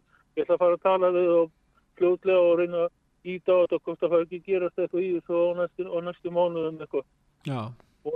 En svo er eitt í viðbútt, uh, ég var að tala um lífverðursjóðuna, okkur að þeir séu að, að fjárfesta úti og hérna, okkur geta lífverðursjóðunir, er eitthvað sem banna það að lífverðursjóðunir byggi íbúður, hagstæðar íbúður fyrir svona, svona hagstæðar íbúður og svona eins hagstætt og hægt er, er eitthvað sem banna það að þeir fara út í svoleiðis. Eh, Það þyrfti hugsanlega lagabreitingu, það gæti farið verið, en það ætti að vera auðfengið að, að la, fá lagabreitingu ef að lífeyrissjóðni myndi vilja það, því þeir þyrfti ekki að eða svo miklum fjármunum í þetta sérstaklega, en þetta myndi skipta verulegu mæli, m- máli ef þeir færu bæði í það eins og Helgi Gói verið að tala um að, að vinna því uppbyggingu fyrir eldri borgara og síðan bara að leggja, fara út í, út í hérna að, að reysa leigu íbúður fyrst að, fastegnafélögin er að stórgræða á því að leia húsnæði. Akkur getur ekki lífeyrissjóðandi grætt á því líka? þur, ég meina ég meina að byggja ég meina þú hefur verið að tala um það að sé alveg svakalegir peningar í hvað mörg þúsund miljardar til í lífýrisjónum Já. Ha, og meina, það geta ekki eitt nokkru miljardum í að búa til hagstæðar íbúður Já. og hagstæðum kjörum fyrir hinn almenna, eh, hvað sem eru láluna fólk, öryrkjar, aldraðir eða hvað sem er svona þetta fólk sem er svona á minnstu og lægstu stjættunum í þjóðfélaginu. Já. Er það eitthvað óhagstætt fyrir lífeyrissjóðunum? Myndu Mm. þeir ekki alveg, þeir myndu allavega ekki tapa eða það nokkuð? Nei, ég á ekki vona því þeir gerðu það. Ég menn hafa menn tapað á því ég var að benda á fastegnafélögin. Ef að fastegnafélögin hafa svona mikla þjenustu af þessu, akkur getur ekki þá lífeyrissjóðin hugað að þessu líka? Þetta er fastegna maður. Ég, vá maður, maður er verið að sjá fréttir að þessi að leia íbúður á alveg bara fárálegum verði maður. Bara, bara, ég veit ekki hvað ég á að segja með það maður. Það er bara alveg, hvernig er hægt að leifa þetta? Það er vegna þess að frambóðu húsnæði er svo lítið, eftirspurnin mikil eftir húsnæði og þess vegna geta leið fastegnafélögin og þessi leigusalar hækka verðin eins og þeir gera. Já, en fyrr má það nú vera maður, að hækka leigunum, ég meina, allir að hækka eitthvað nokkra þúsund kallar, svona fyrir eftir vísutölu, fyrr má það nú vera að hækka um 20.000 í hverju mánuð maður, má það nú vera maður. Já, þetta- En þetta, ég var bara svona að spá í þessu hvort að þetta er eitthvað óhagstætt fyrir lífyrirsjóðuna að gera, gera þetta. Ég meina, ég var bara að spá í því. Ábyggilega ymsir möguleikar þar, ekki vafa því, þakka þið fyrir Jakob. Takk fyrir mig.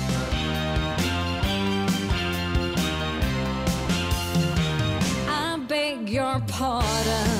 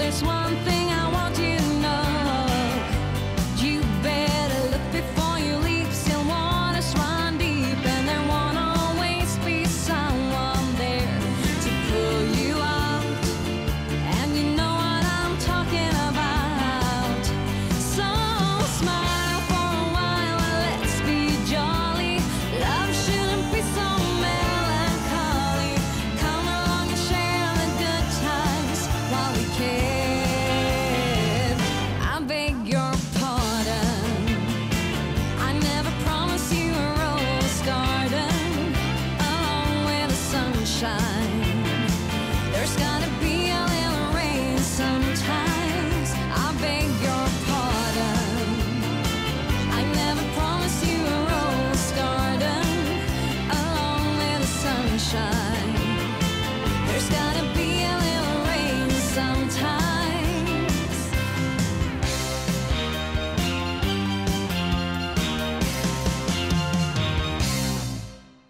Halló, góðan daginn, Getur. Góðan dag, Stefán heiti ég. sæl Stefán, lesaður. Blessaður, ég það er nú langt, það er einhverju mánuð sem ég hef hringt, Já, en ég hef komið við hjá þér.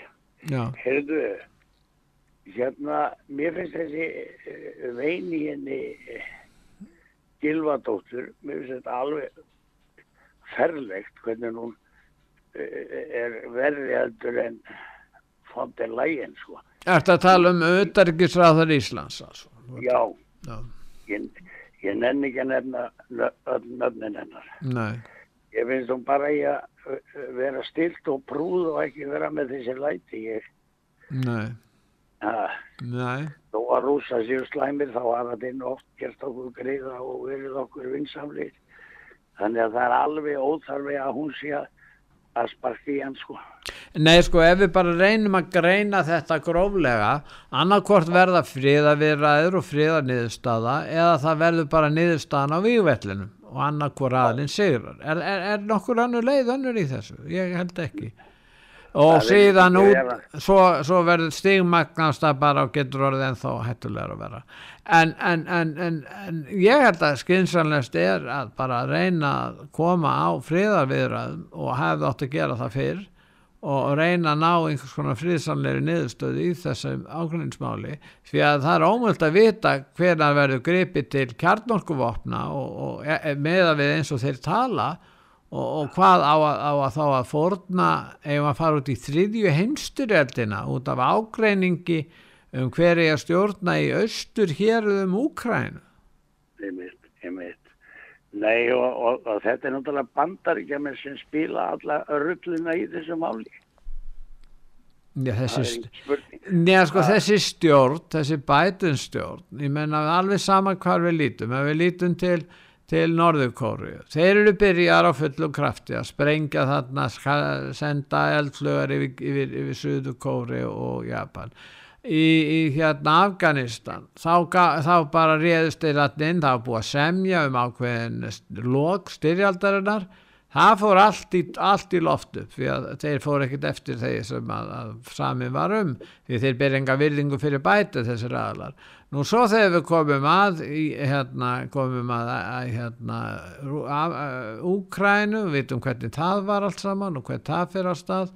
Þannig að það er alveg saman hvað við lítum til í hvaða átt það er, það er allstaðar átök og, og fleiri átök að, að verða, verða veruleika og og magnast og stigmagnast. Og það er vegna þess að fórsiti bandaríkjana, leiðtói bandaríkjana er ekki nóg öflugur og þegar að þeir vita vel það að hann veit ekki er ráðalaus og stígur í báða fætu þá fara alls konar aðeinar að stað þar sem að viðkvæm óróasvæði hafa verið fyrir hendi. Jú, jú. Jú, jú. Þetta er allt saman eitt allsherjar bull, Já. bull og kjátaði. Já. Heyrðu, hérna, hann Arnar Þór, hann var þarna um helgina með, með, með góðu fólki, Já, mjög fín þáttur já, og ég, ég, ég get bóður upp á skaga, það verður þannig í vikunni. Byttu við, hvað? nei, já, það verður uh, stórfundur um, um þessi Já, um vindorkugarðan, vind, vind, vind, já, já, já, vindmilugarðana. Já, já, já, já. og svo í þriðja lagi var ég að hugsa til dæmis sko fólk á leigumarkaði. Já, Það- er náttúrulega alveg hræðileg staða hjá fólki á leigumarkaði. Já, en við, svo getur við hort yfir til Þýskalands þar sem 60% þjóðarinnar leigir. Já, sér enga ástæði til þess að kaupa íbúð. Nei, bara leigir. Er ekki eitthvað skakt hérna í kerfinu hjá okkur?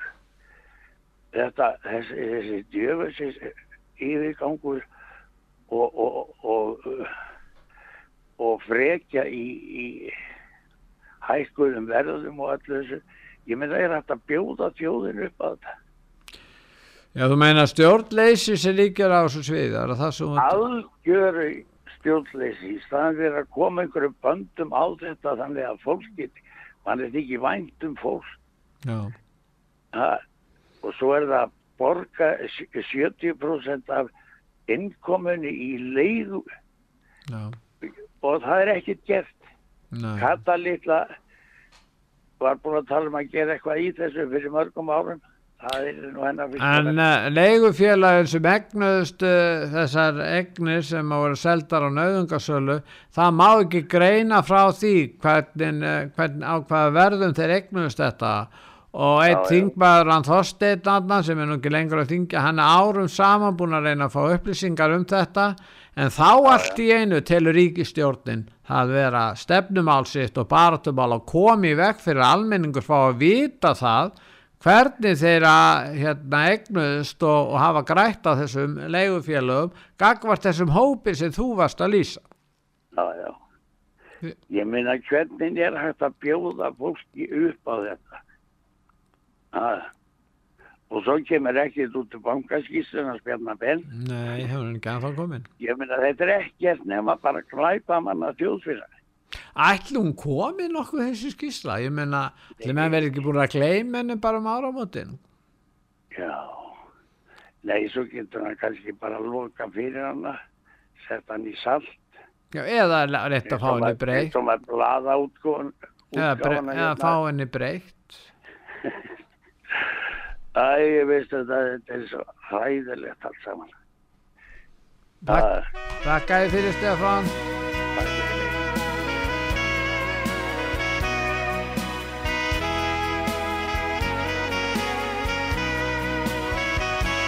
Jag trodde änglarna fanns bara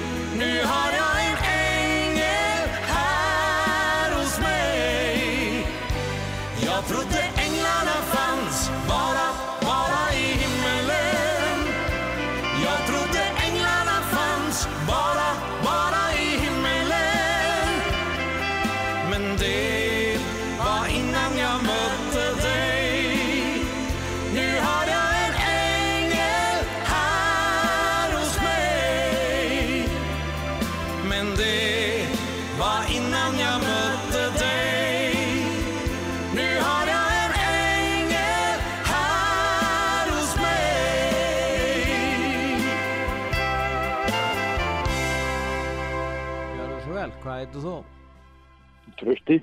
Sæl Trösti. Sæl Petur, hérna, já ég er nú yfirleitt sammála honum hérna Viðar í Guðarsson, hann er nú alveg ansi góðu kallinn. Já. En, en hérna það sem við langaði nú hins vegar til þess að ræða það er hvernig stendur á því að landræðalögin hafa aldrei verið virkjuð. Það þykir mér alveg, við vorum virkið eftir stríð, þá var einhverju nazistar Eh, hér. já sko, við skulum nú aðtóa það aðeins.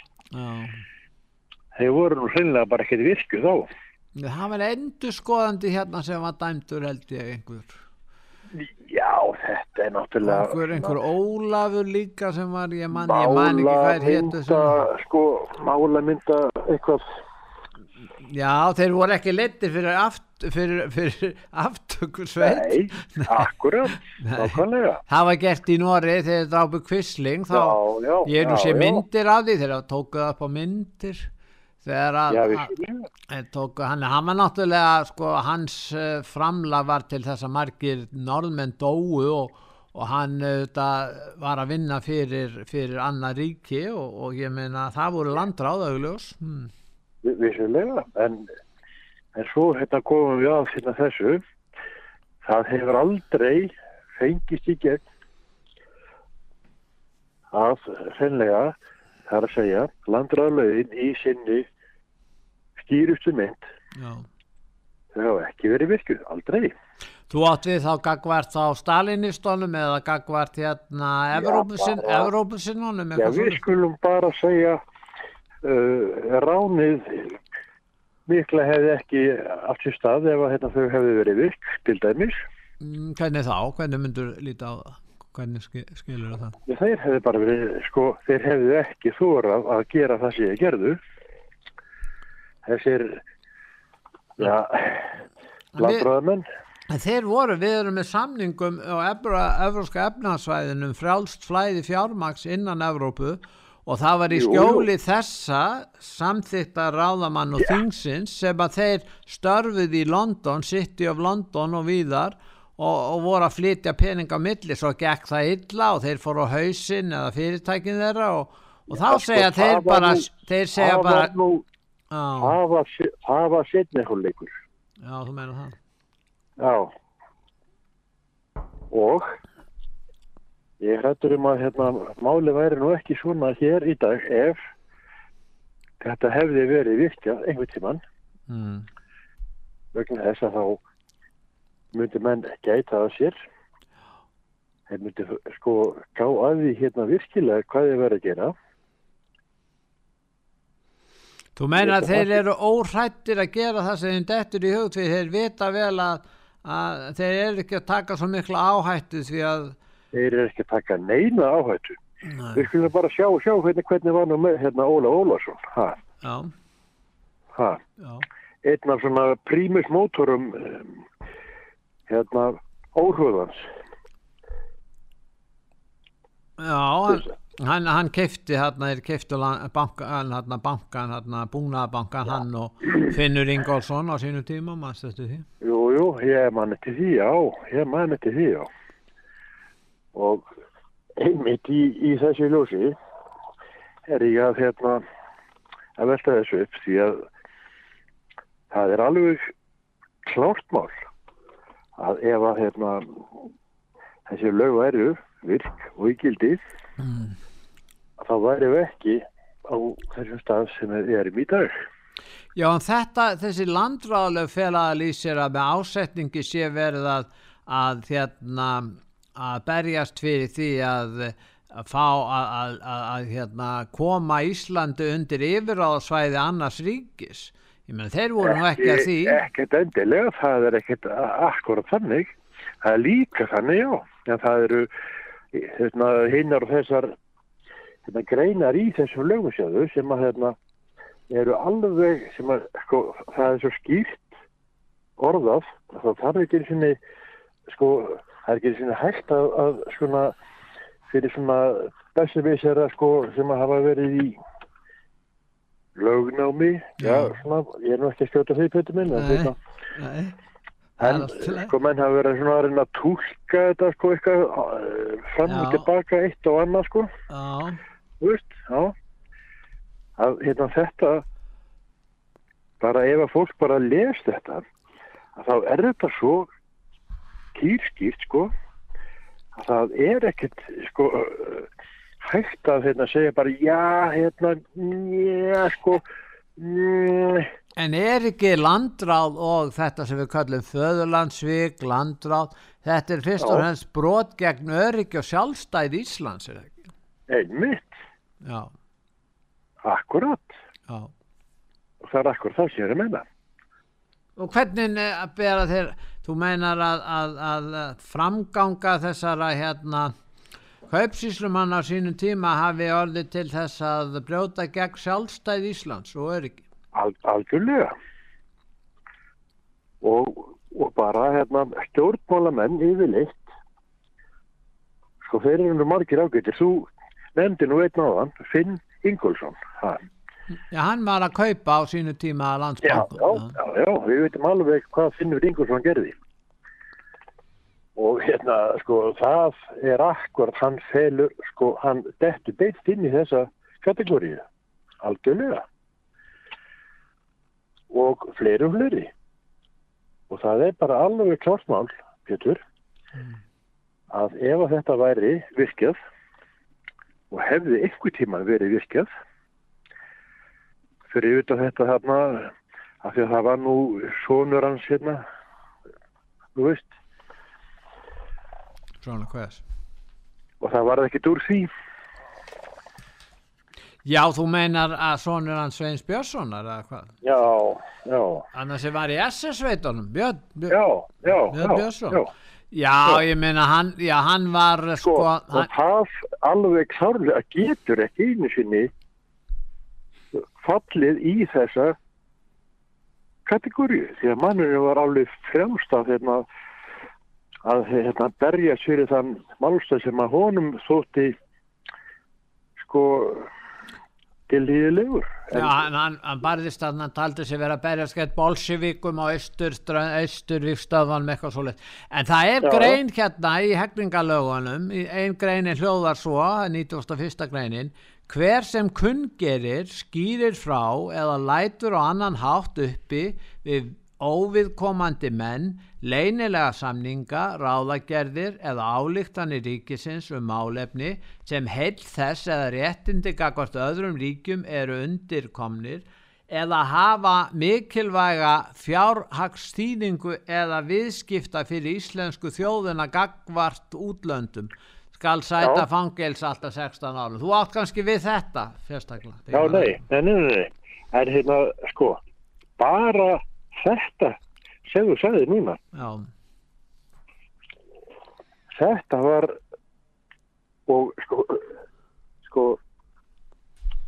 hefði átt að duga til þess að hérna að setja þessa pjesa bara, veist, inn í sko klefa eitt sinnum eitt sko bara fyrir lífstíð. En Já. það bara gerist ekki. En í sömu grein segir líka sem menn mannðu kannski í sömu refsingu þar að segja 16 ár skal ennfremur hver sá sæta sem falið hefur verið á hendur af Íslenska ríkinu að semja eða gera út eitthvað annað við annað ríki ef hann ber fyrir borð hag Íslenska ríkisins í þeim erindrekstri. Hvað segir nú þetta? Þetta er, Já. þetta, þetta er Já, einmitt, nákvæmlega, nákvæmlega. Já, já. Já. Hversu margir hafa einmitt verið á þessu úttalsborri Já. og ekkert verið, Já. ekki einu sinni slegið að puttana þeim. Nei, nei, talið þetta vera gott fyrir þjóðina þó að hafi, þó þið hafi í Já. raun ekki hafi borið fyrir borð hag Íslenska ríksins. Sko það er náttúrulega ekki hægt að hérna, setja fram þannig að, að hérna, halvvitar séu hérna, settir í, í þá stöðu að hérna, þeir þurfa að, að hérna, gera eitthvað fyrir Íslenska ríkið eða hérna, Íslenska almenning Já, í fyrsta leið sko. já, já, já. Ég, ég, þetta er mín skoðun og margur annara. Við þurfum að skoða þessi mál. Ég þakka þið fyrir að benda á þetta. Landróðakablan, þakka þið fyrir. Já, Bless. já, takk fyrir. Þið er að lusta á útvarpsögu. En þetta segir ég. Já, Góðan daginn. Góðan dag. Hérna, það er hérna með pólverðinu, þetta eru stórhættulegir menn. Stórhættulegir.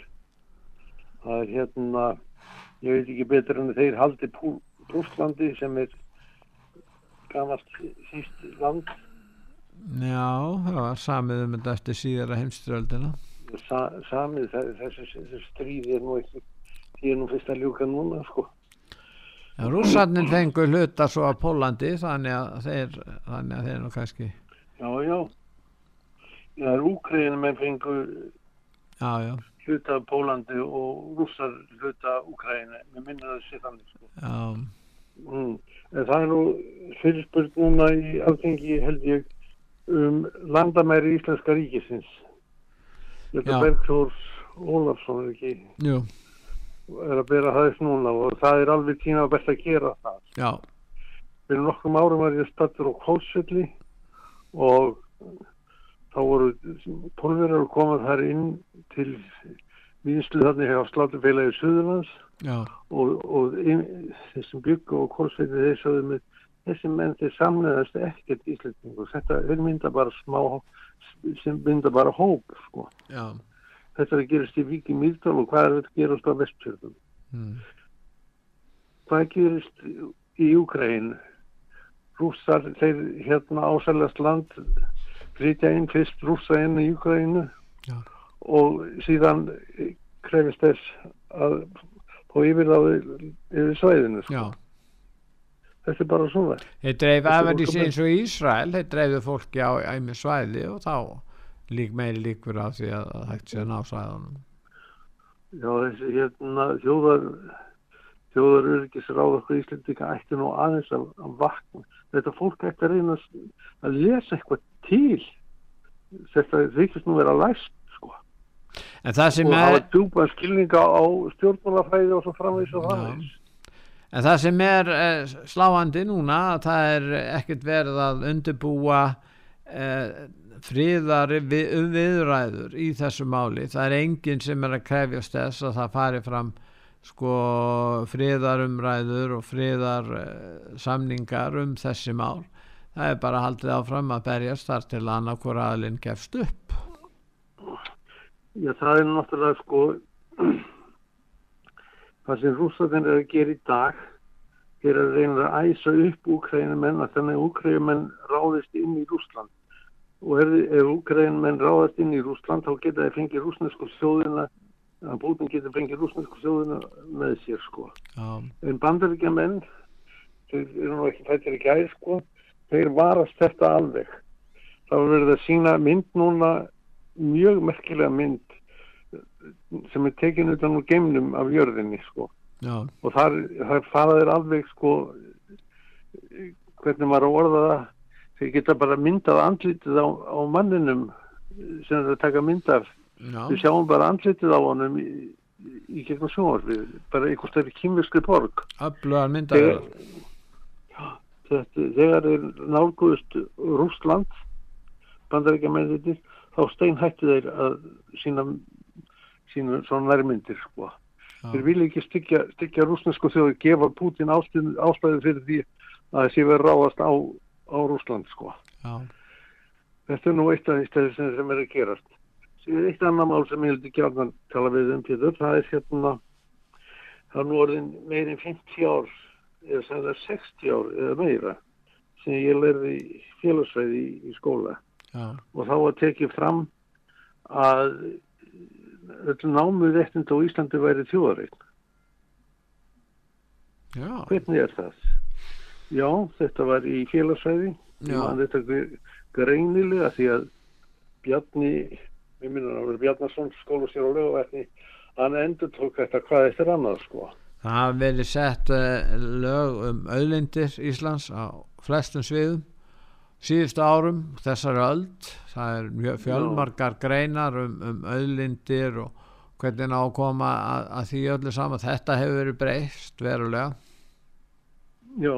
það hefur breyst verulega. Varðandi námu réttindi ég bara maður það nákvæmlega, ekki nákvæmlega hvernig þau eru svona varðandi allar útgáfur í, í, í því máli. Það er heilmingil og flækja. þetta, þetta var sérstaklega ef það, finnst stíði málmar eða eitthvað líkt já, í jörðu, sko. já, já. og það er hérna sko það mætti flokka það er virkilega kostið okkar Íslendinga undir sama hatt sko ef, ef, ef ég er að fara rétt með sko ef ég er að fara rétt með en hvort þú búið að breyta það er, er svona mál sko já. Eðu, Anna var nú ekki svona í augnabríkinu Þakka ég fyrir að ringja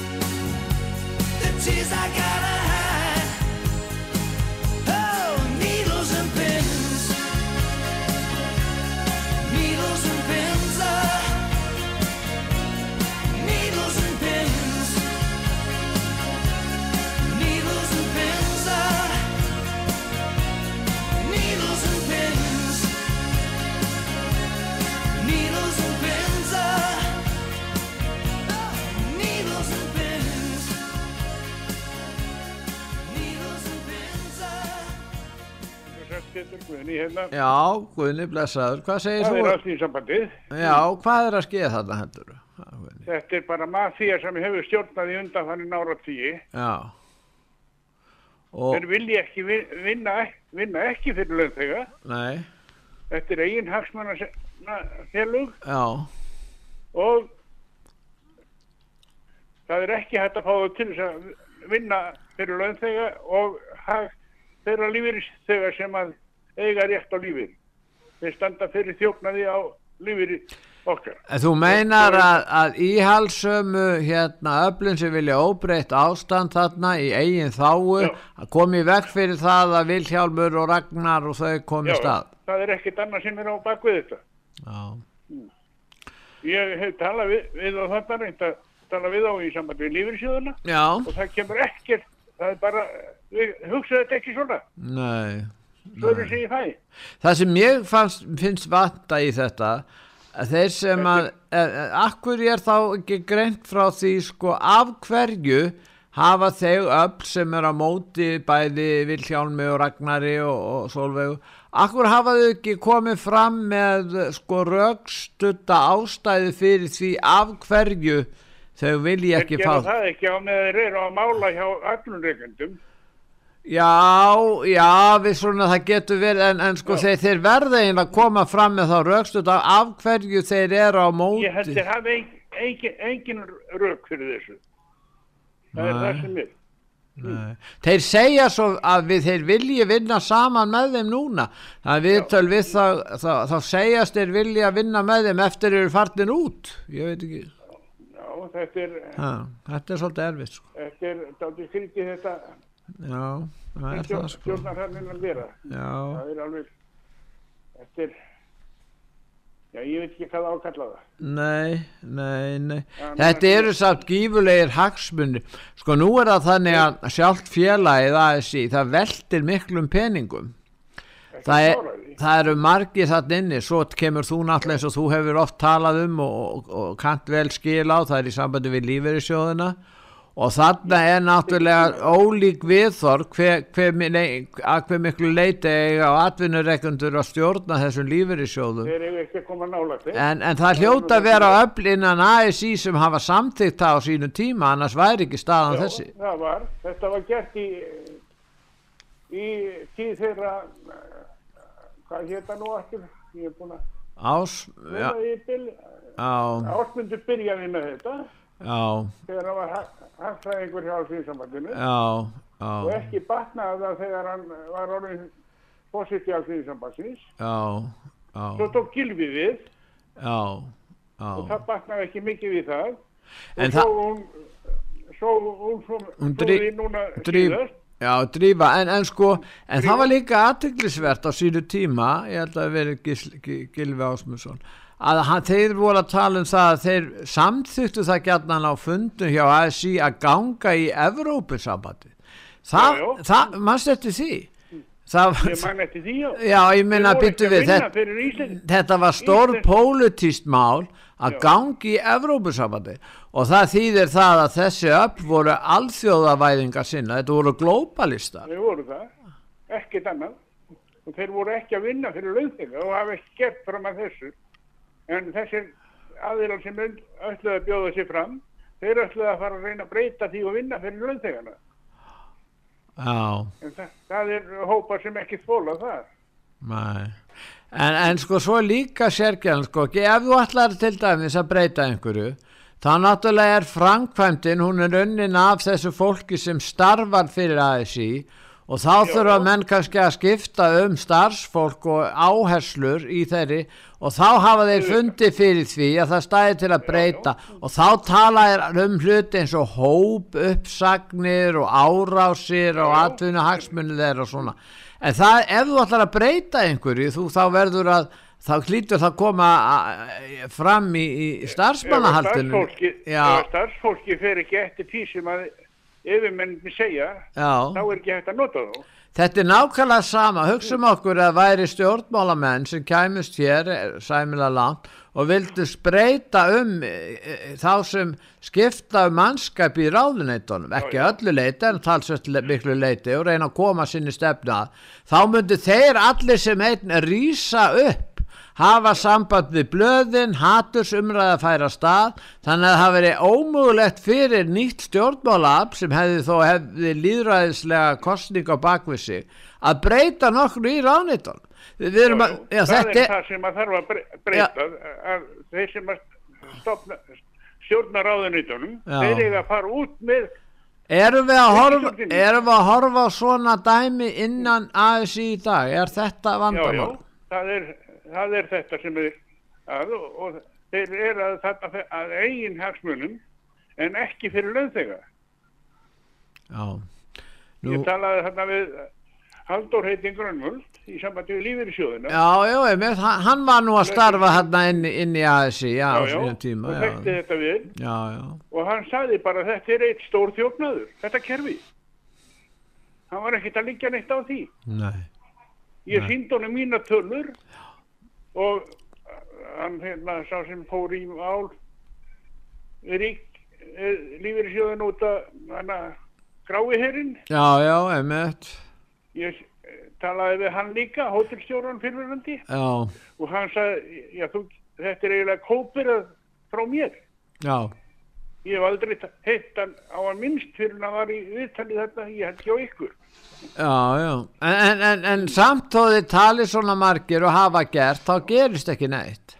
nei, nei, hagsmunir atvinnureikandar sem að nota sjóðina sem var þessa penninga og þeir sem stjórna sjóðunum þeir eru svo miklir að þeir vil ekki sleppa því Já, en það líka hefur tekið mörg ára upp þessa breyðfylkingu, Ragnars og Ingóls og, og Eblingu, Já, já. það hefur tekið langan tíma og loksins þegar þetta hefur náð ákveðnu þroska og möguleika á þá breytingum, verður allt vitlust þá verður allt villust, já.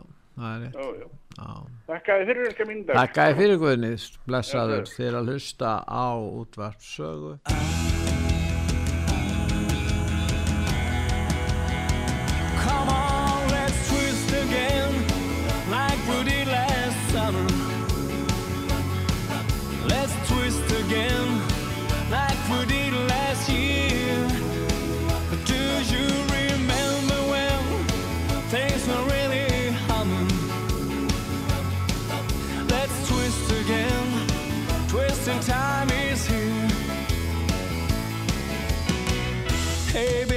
You take a chance? Say that you let me have this dance. Let's dance. Let's dance. Well, do the twist to stop the mashed potatoes too? Any of that's that you wanna do, but let's dance. Let's dance.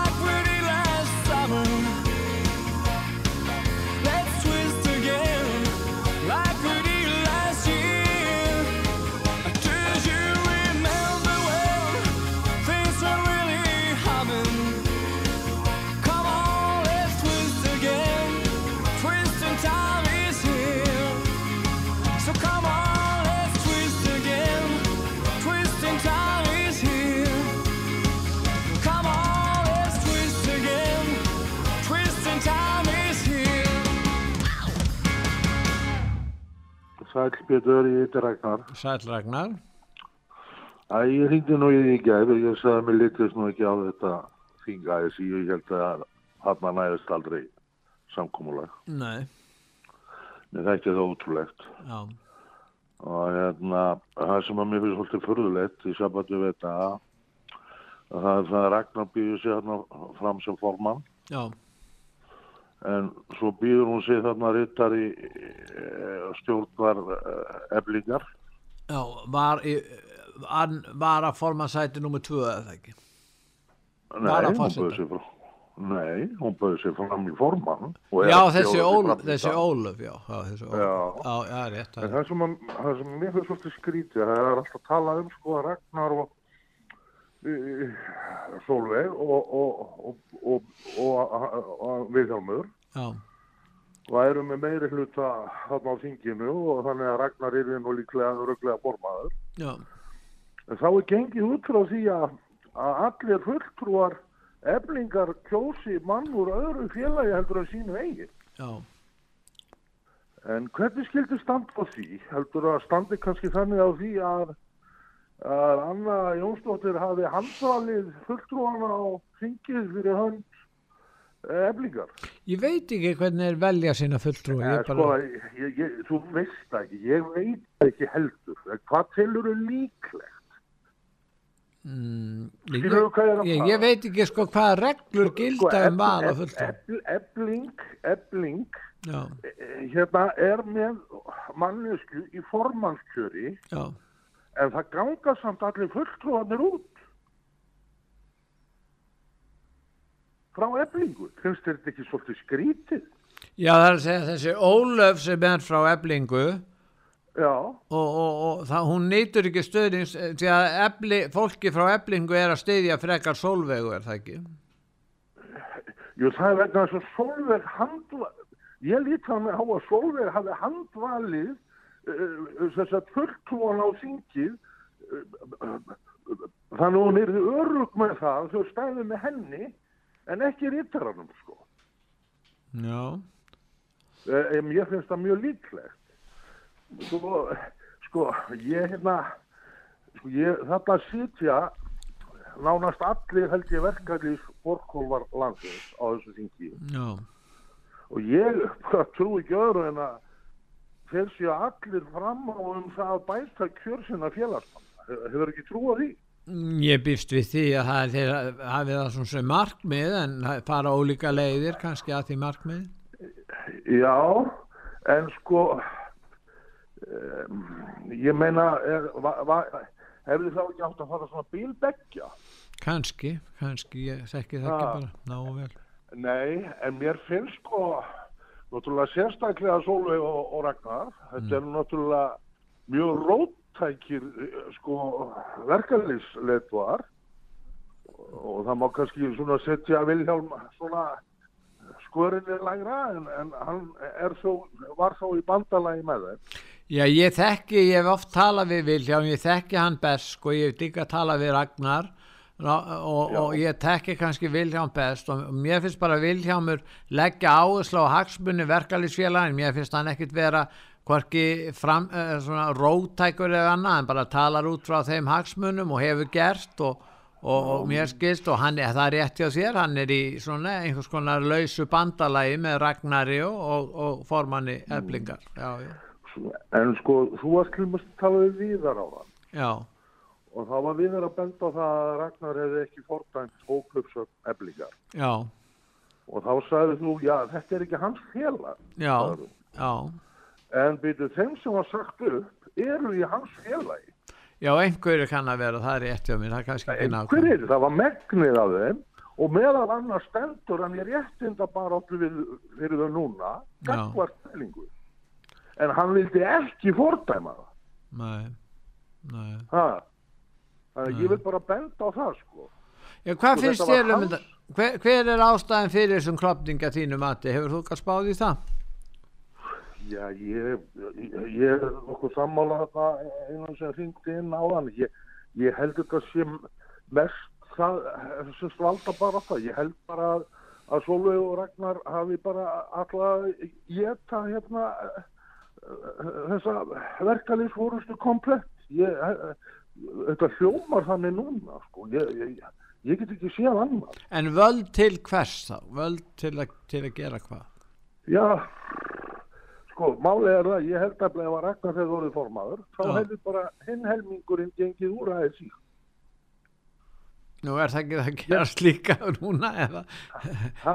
er þetta ekki að jú, það, það er klopningurinn, Já, Þa, það er klopningurinn, nema náttúrulega náist sættir eftir kjör um þær leiðir sem á að fara í þessum kjærasamningum í höfn. en nú er því ekki ekki kjöri neitt þeirra þannig að, að þeir sem verða kjörnir verða vantarlega anstæðingar þeirra innan ASI maður búast við, ef, ef að kjör fer fram í dag sem við vitum ekki það verður það- sko, nógu margir sem mæta á fundin til þess að ha- það er einmitt, það er einmitt fundur. reyna, að reyna að benda ágjötur. Já. Hvernig getur fólk sem er að berjast fyrir kjörum félagsmanna sína verið andstæðingar?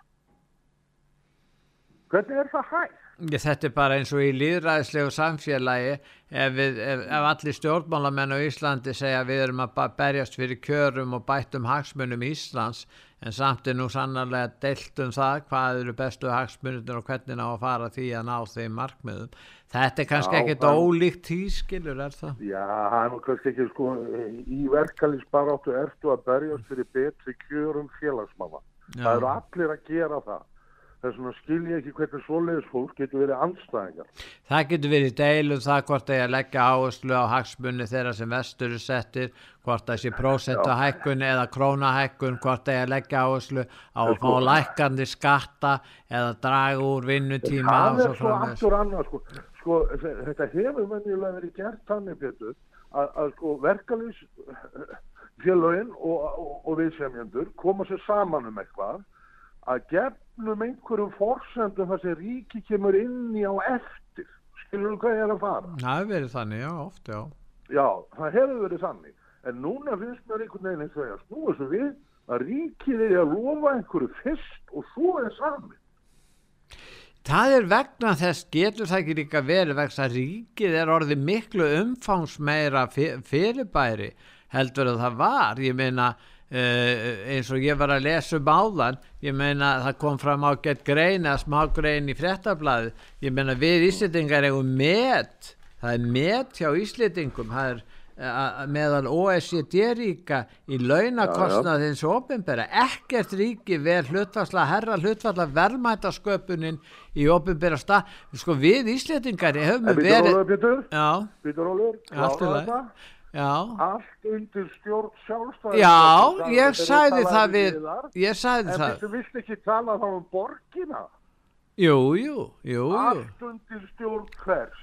Jú, en það er munurinn sá að sjálfstæðismenn hafa sagt að þeir vær vildu draga úr umsvifum hins ofinbera en hafa stjórna hér lengi og stór aukið umsvifin. Það er alveg rétt hjá þér, auðvitað ber borgin og vinstriflokkarnir ábyrð á því, ekki nokkuð vafi, en bara munurinn er sá...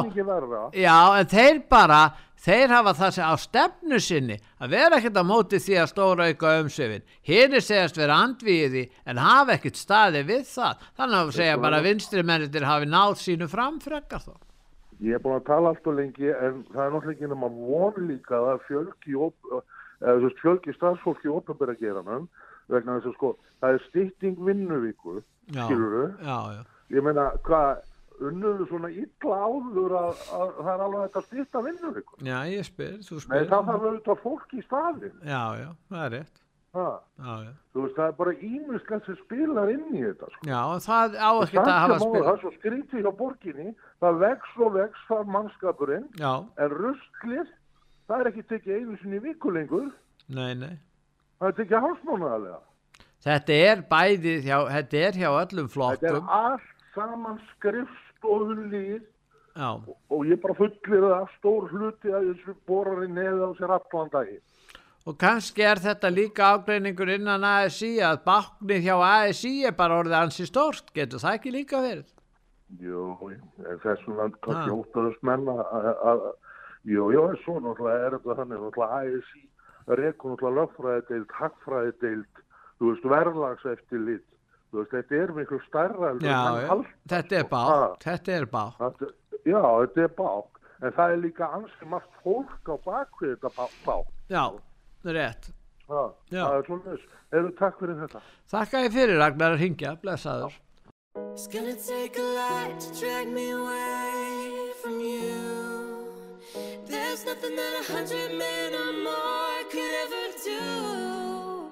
I bless the rains down in Africa. It's gonna take some time to do the things we never had.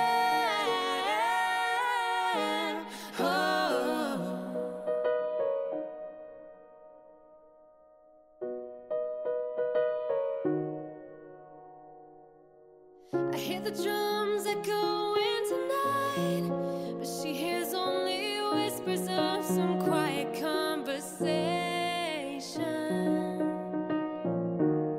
She's coming in 12:30 flight. The moonlit wings reflect the stars that guide me towards salvation.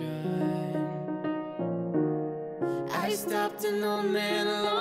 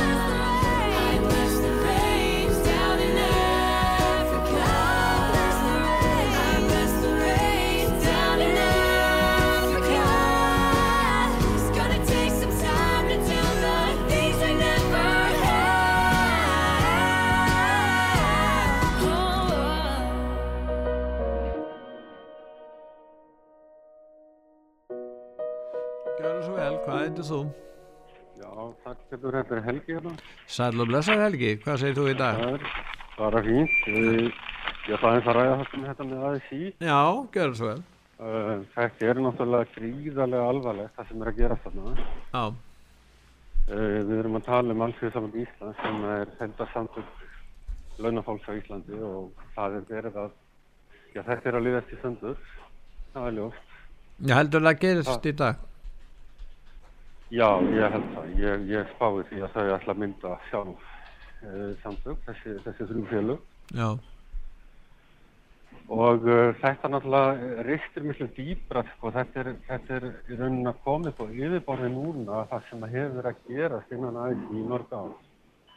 Það er sko, það er alveg að gett, sko, þetta er, þetta eru tveir armar, það er þessi Gylfi Árbjörns armurinn og svo þessi. Og uh, hún er bara að koma í ljós þessi, þessi klopningur. sem Helgi, hver er munurinn á þessum tveimur örmum, hugmyndafræðilega séð? Er einhver munur þannig að er þetta bara öðrum ástæð? Já, munurinn er sá að, að Gylfi Arbjörns og, þetta var reynda að byrja á því þegar að Stefán Áskriðsson var, þeir ætluðu að nútíma væða sko verkalýsbara. Þeir ætluðu að, nú, nú, það, það til dæmis þetta saleg, það var hluti af þessari nútíma væðingu. En mér sýnist að armurinn, hinn armurinn sé að fara í hinn áttina, fara aftur til fortíðar taka upp gömlu aðferðnar, verkauð og svona. Og ég, ég held að þetta meðal annars kristallist í þessari glóbalista umræðu sko að það, er, það eru annars vegar glóbalistar og hins vegar, Er Gylfi almunin, er það glóbalista almunin, myndur þú segja? já ég held það, er það sem er kallað glóbalistar sem ég náttúrulega er alls ekki sammála. Ég meina við erum bara að tala um það að, að við þurfum að horfa til framtíð, við þurfum að nútíma það er, það er, það er ákveðin þróun í þessum málum eins og það er það sem að, að Gylfi Arnbjörns og þeir voru að gera á sínu tíma, voru að reyna nútíma væða. Hvað var til þess að Gylfi og, og vantarlega drífa stöttu hún þá Gylfa arminn og, og, og Halla? Nei, ég, ég held að Drífa hafi nefnilega ekki verið í þeim armi. Sko, og ég, var hún í hvorugum arminnum þá? Ég, ég held að hún hafi bara verið svona mitt á milli sko. En, en sko það sem að náttúrulega eðilega þetta aldrei fyrir drífa er það að hún náttúrulega er sko vinstri græn Já, og var náttúrulega svolítið lituð af því sem þessi ríkistöndri er að gera í dag. Sko. já, Þannig að, að ég held að hún hafi svona lent svona mitt á milli og en mér líst rosalega illa á þetta og ég ég er hins vegar sammálið betur að það þarf að hrist upp í þessu. Það þarf að, það, þetta er orðið átti staðuna, það er mörg fél út á landi er orðið staðunur. já, Það eru formin margra aldarfélaga þar sem eru búin að vera þar árum, jafnvel áratugum saman. já. Það þarf að, sko, það þarf endurinn, ég er alveg sammálað því. Þau eru að koma alltaf með nýja og ferska anda þarna, þau þarna Solveig og, og Ragnar og þau. En sko, það er pólitíkið þeirra sem ég er mér líka. Mér líkar ekki þessi pólitík. Nú er það þannig Helgi, hérna í gamla daga, við förum svolítið aftur í tíman Mm. Og uh, þá var þetta, þá áttu til dæmis allþýðu bandalagi var með sterkastöðu á, ákveðnu félugum, sjálfstæðisflokkurinn var, var sterkur verkalýsflokkur, kratatin voru þarna, framsagt ekki eins mikið en þetta var svona, menn aflu sína hlutdeild í verkalýsreifingunni. Það er ekki verið að fara aftur þangað endilega, er það? Nei, enda held ég að það hafi, hafi ekki verið gott. Sko, Nei, flo- nei. Flokkarnir voru Nei. með puttana í En eru að flokkarnir með puttan í, svo ofta minnast á drífu, voru, voru Vafgi að reyna að hafa puttan í þessu með að hafa hana sem fósita hérna, vissu það? Ég, ég er ekkert endilega viss um það, ég held bara að hún hafi bara verið lituð aldrei af sinni pólitík. En hverjir eru að tapa? Eru launamenn að tapa núna? Eru atvinnu, sko, hvað gerist það verða tvö félög? Þessi sem eftir verða í, á þessum fundi í dag, þeir geta kannski kosið sér formann en félagið verður lamað í raun og veru þar sem að helmingurinn er farin og stopna nýtt félag. Hverjir græða og svo hverjir tapa? Það er alveg klátt að laun, venjulegt launafólk í landinu mun tapa á þessu vegna þess Já. að það sem skiptir öllu máli er samstaða. Já, Það er númer 1 og 2 og 3. já, Það er verið að brjóta þessa samstöðu niður með þessu að kljúa, kljúa aðeins í. Og, og það er það sem ég hef, ég hef gríðalega ráðið þessu. En ef við komum að þessu, akkur gerðu þrýækið er að fara þaðan, var það vegna að þeir töldu sér ekki ná meiri hlutanum eða voru hinni með það svæsnar árásir og niðurrif að þeir treystu sér ekki þrýmenningarnir að sameina ASI undir sinn, sinn fána, gunnfána, hvað segir þú? Ég, ég held að, sko, ég held að hugmyndafræðin hjá þeim sé í dag sé svo að þau ætla sér að mynda nýtt saman. Þess vegna gengur þau út það í dag. Þau hefðu aldrei gert það nema að að þau ætla sér að mynda nýtt saman. Það er það sem En það gerðist ekkert á fundinum í gær eða, eða byrjaði á mánudaginn. Það gerðist ekkert sem að var til þess að þau ákvaðu að ganga út. Já, ef þau væru örug með að ná meiri hlutanum Ragnar Formaður og síðan eh, hérna Solveig og, og, og, Vilhjámur tveir þarna vara formenn ég meina þeir hefðu haft og svo hefðu náð meiri hluti í miðstjórn hugsalega ég meina hefðu ekki sætt sig við það Já, það er, það er náttúrulega alveg ljótt hérna getur að það, sko, þessi undirskriftasöfnum þetta í gær sem að hún stóð fyrir þarna svo sem er að bjóða þessu fram. Já, hvað var, það man- Var það Ég, ég, skynsamlegt? man ekki, ég man ekki hvað hún heitir. Hún augnablikinu, Ólöf, en- ertu ekki að tala um Ólöf, Ólöf? já. Já. Jó, hún fer í gang með undirskriftasöfnum. Það er það fyrsta sem hún gerir þegar hún mætir á fundin. Já. Til þess að ví, til að, að fá, fá, til að vísa sko eflingafólkinu út og þetta er náttúrulega, þetta er ekki góð byrjun. Nei. Þarna var ekki ekki, byrjun en hún hún tilheyrir uh, gilvaarminum, þessi Ólöf er það ekki? Ég er átt að mig ekki alveg á því. Sko. Nei, ég skil það, nei. Ég átt að mig ekki alveg á því, en, en þetta náttúrulega voru algjör mistug hjá henni að, byrja að, lei, að hleypa fundirum upp svona. Já, Þetta voru mistug hjá henni. já. En það var nú bara þetta byrjun. Herri, veistu það, verður að vera 30-50% uh, fundarsók, fundarsók til að skilst löglegu að- fundur. Veistu það, ég, Mér skilst að minni hlutin sem, sem að núna varð eftir, ég skilst að hann sé með 48 já, prósent já. og það náttúrulega dugar ekki til til að þessi fundahverð. Það verður að vera sko yfir 50. Á mig, tæmitt. Þakka ég fyrir Helgi að ringin. Takk, takk fyrir Upplýsa þetta. okkur um þetta.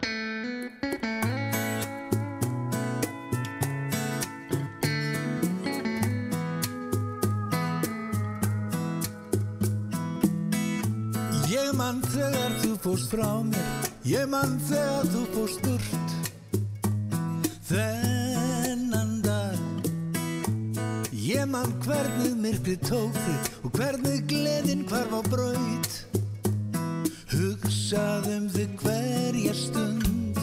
Ég man hvað það var erfitt, ég man hvað það var sátt og ég hef saknað þín. Ég man líka myrkrið svarta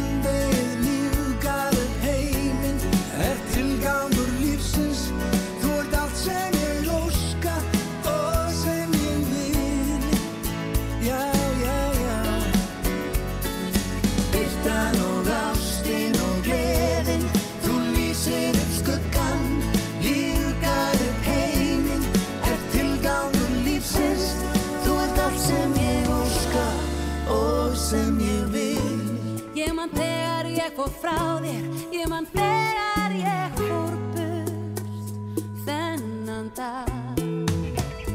Ég man hvernig myrkrið tók mig Og hvernig gleðin hvarf á bau Hugsað um þig hverja stund. Ég man hvað það var erfitt, ég man hvað það var vond og ég sakna þín sárt. Ég man líka myrkrið svarta, þung og dimma, þennan dag,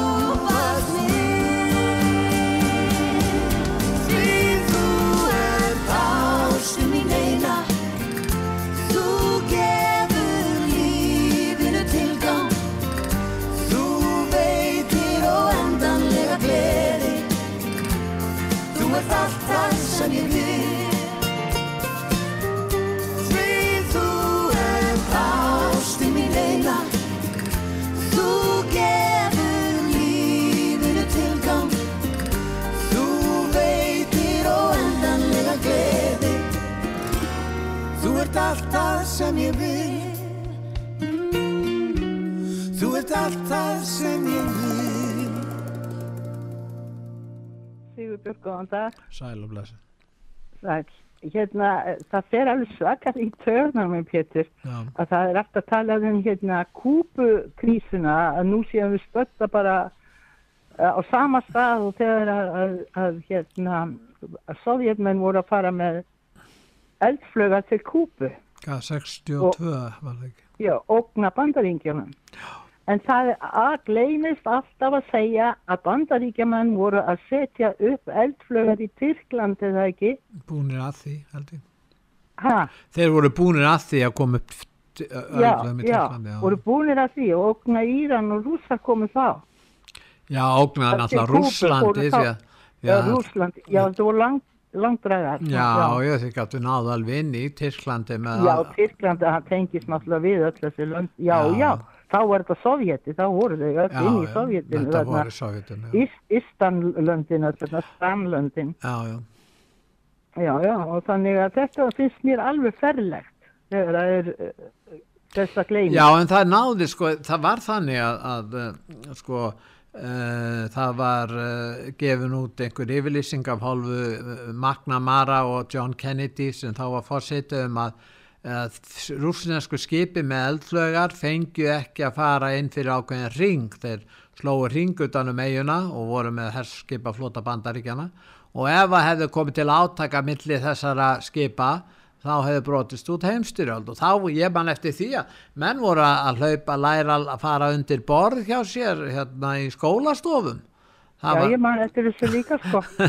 þannig að, að þetta var full alvara en síðan uh, var það þannig að þeir uh, fóru með skipin tilbaka og það varð ekkert af þessu og þá litur svo menn á að Kennedy hafi haft sigur í þessari deilu og, og honum já, menn voru svona að hrósa honum fyrir það síðar, löngu síðar kom í ljós að bak við tjöldin voru gerðið samningur um það að bandaríkjumenn fjallæðu eldflögar sínar í Tyrklandi gegn því að þannig að í raun og veru sigruður úrsandi það voru eldflögar Tyrklands í, í, eða eldflögar, eldflögar bandaríkjan í Tyrklandi voru þetta miklu öflugur vopn heldur en þessi vopn sem átt að sitja upp í, á kúpu þannig mér sýristu að rússandir hafi bara eða sovjeti á sínu tíma hafi haft betur en auðlýsingin og umfjöllunum var all Kennedy í hag á þessum tíma.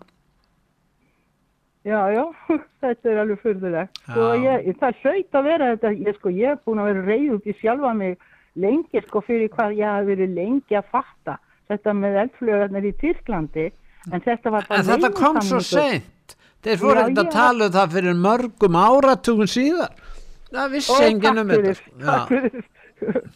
Já, já, þá var var ekki skrítið að ég skildi vera svona vitlaus. já, þú Já, vissi já, bara það ekkert um þetta ekki. þú vissir Já. Ég vil svolítið líka þessu við líka að um, með, með ástandi Úgræna, Rúsland og, og, og Bandaríkin og þetta allt saman, Já.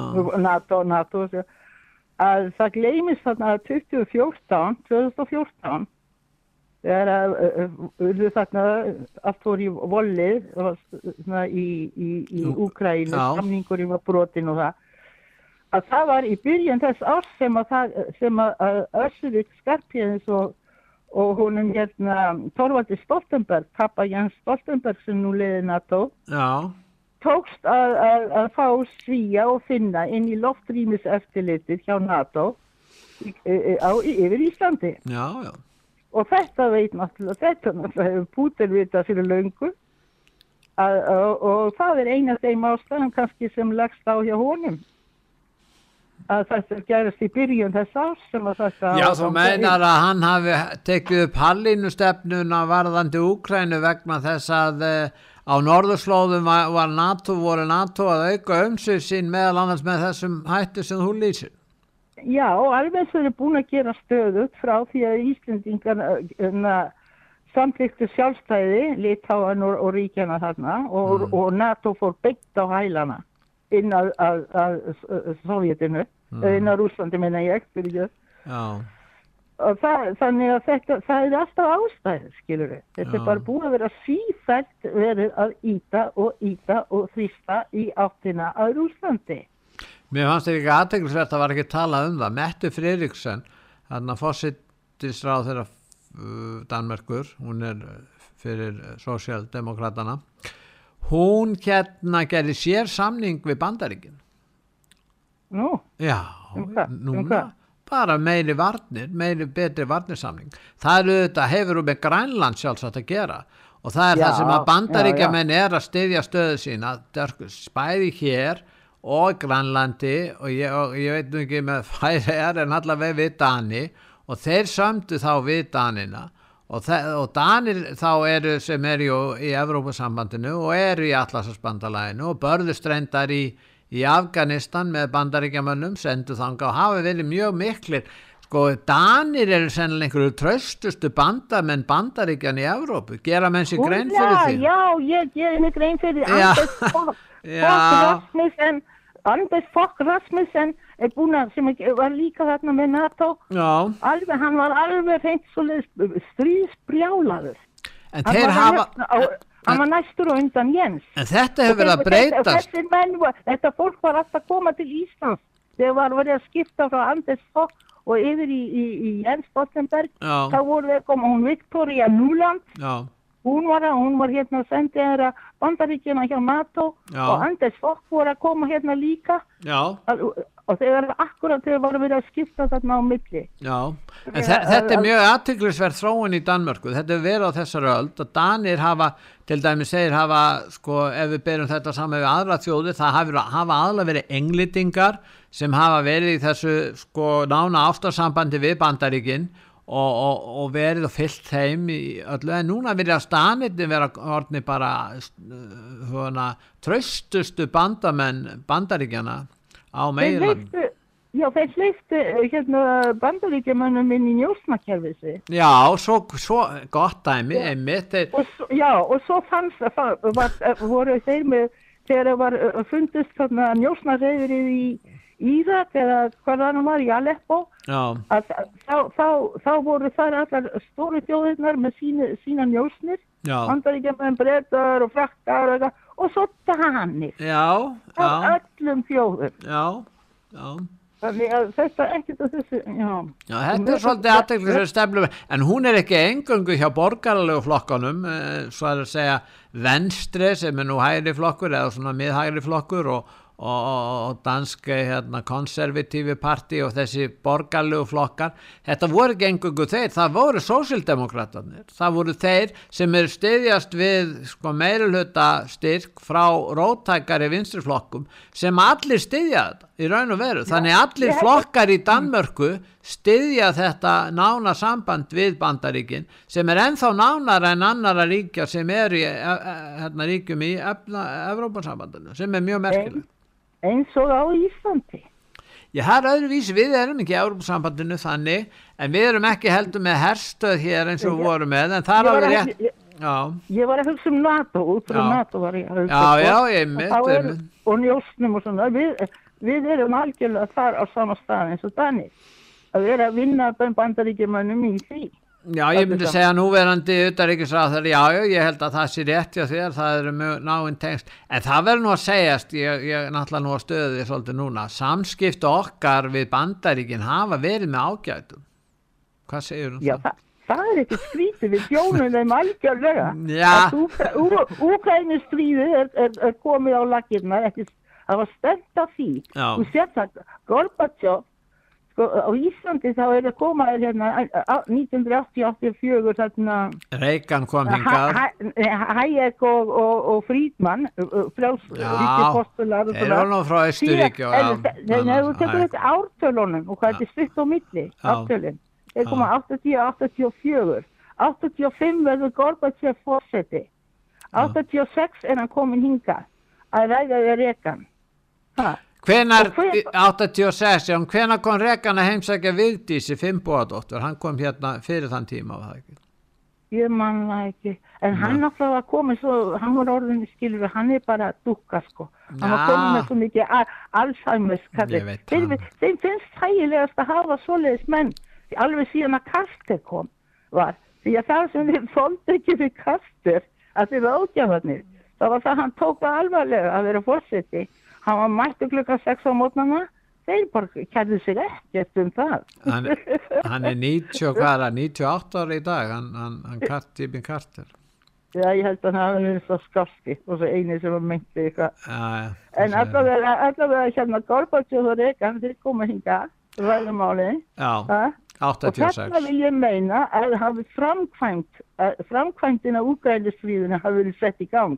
Auðvitað var planið komið að miklu leiti. Og þeir vissu að þeir voru komnir með íslenska ráðamenn til þess að, að, að vera Gor, framkvæmtastjórar. Gorbachev vildi ekkert, Gorbachev vildi bara að uh, Rússland nálgæðist eða Sovjetríki nálgæðist að vera með svona uh, stjórnarfar og mark á kerfi, efnaðaskerfi sem væri svona líklegra til þess að spæta lífsskilirðin í Rússlandi, ástandi í efnaðasmálu Rússlands var að fór stöðut versnandi.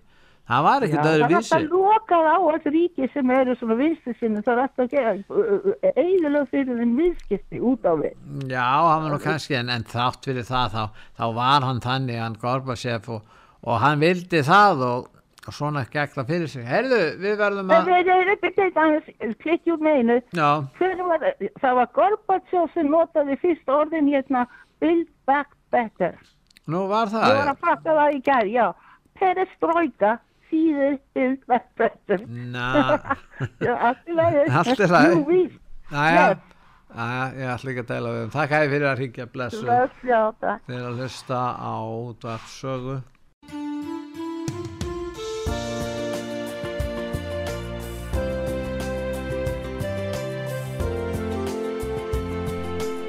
Þú ert að hlusta á útvarp sögu, það helsta sem var til umræðu í símatímum stöðvarinnar í þessari viku.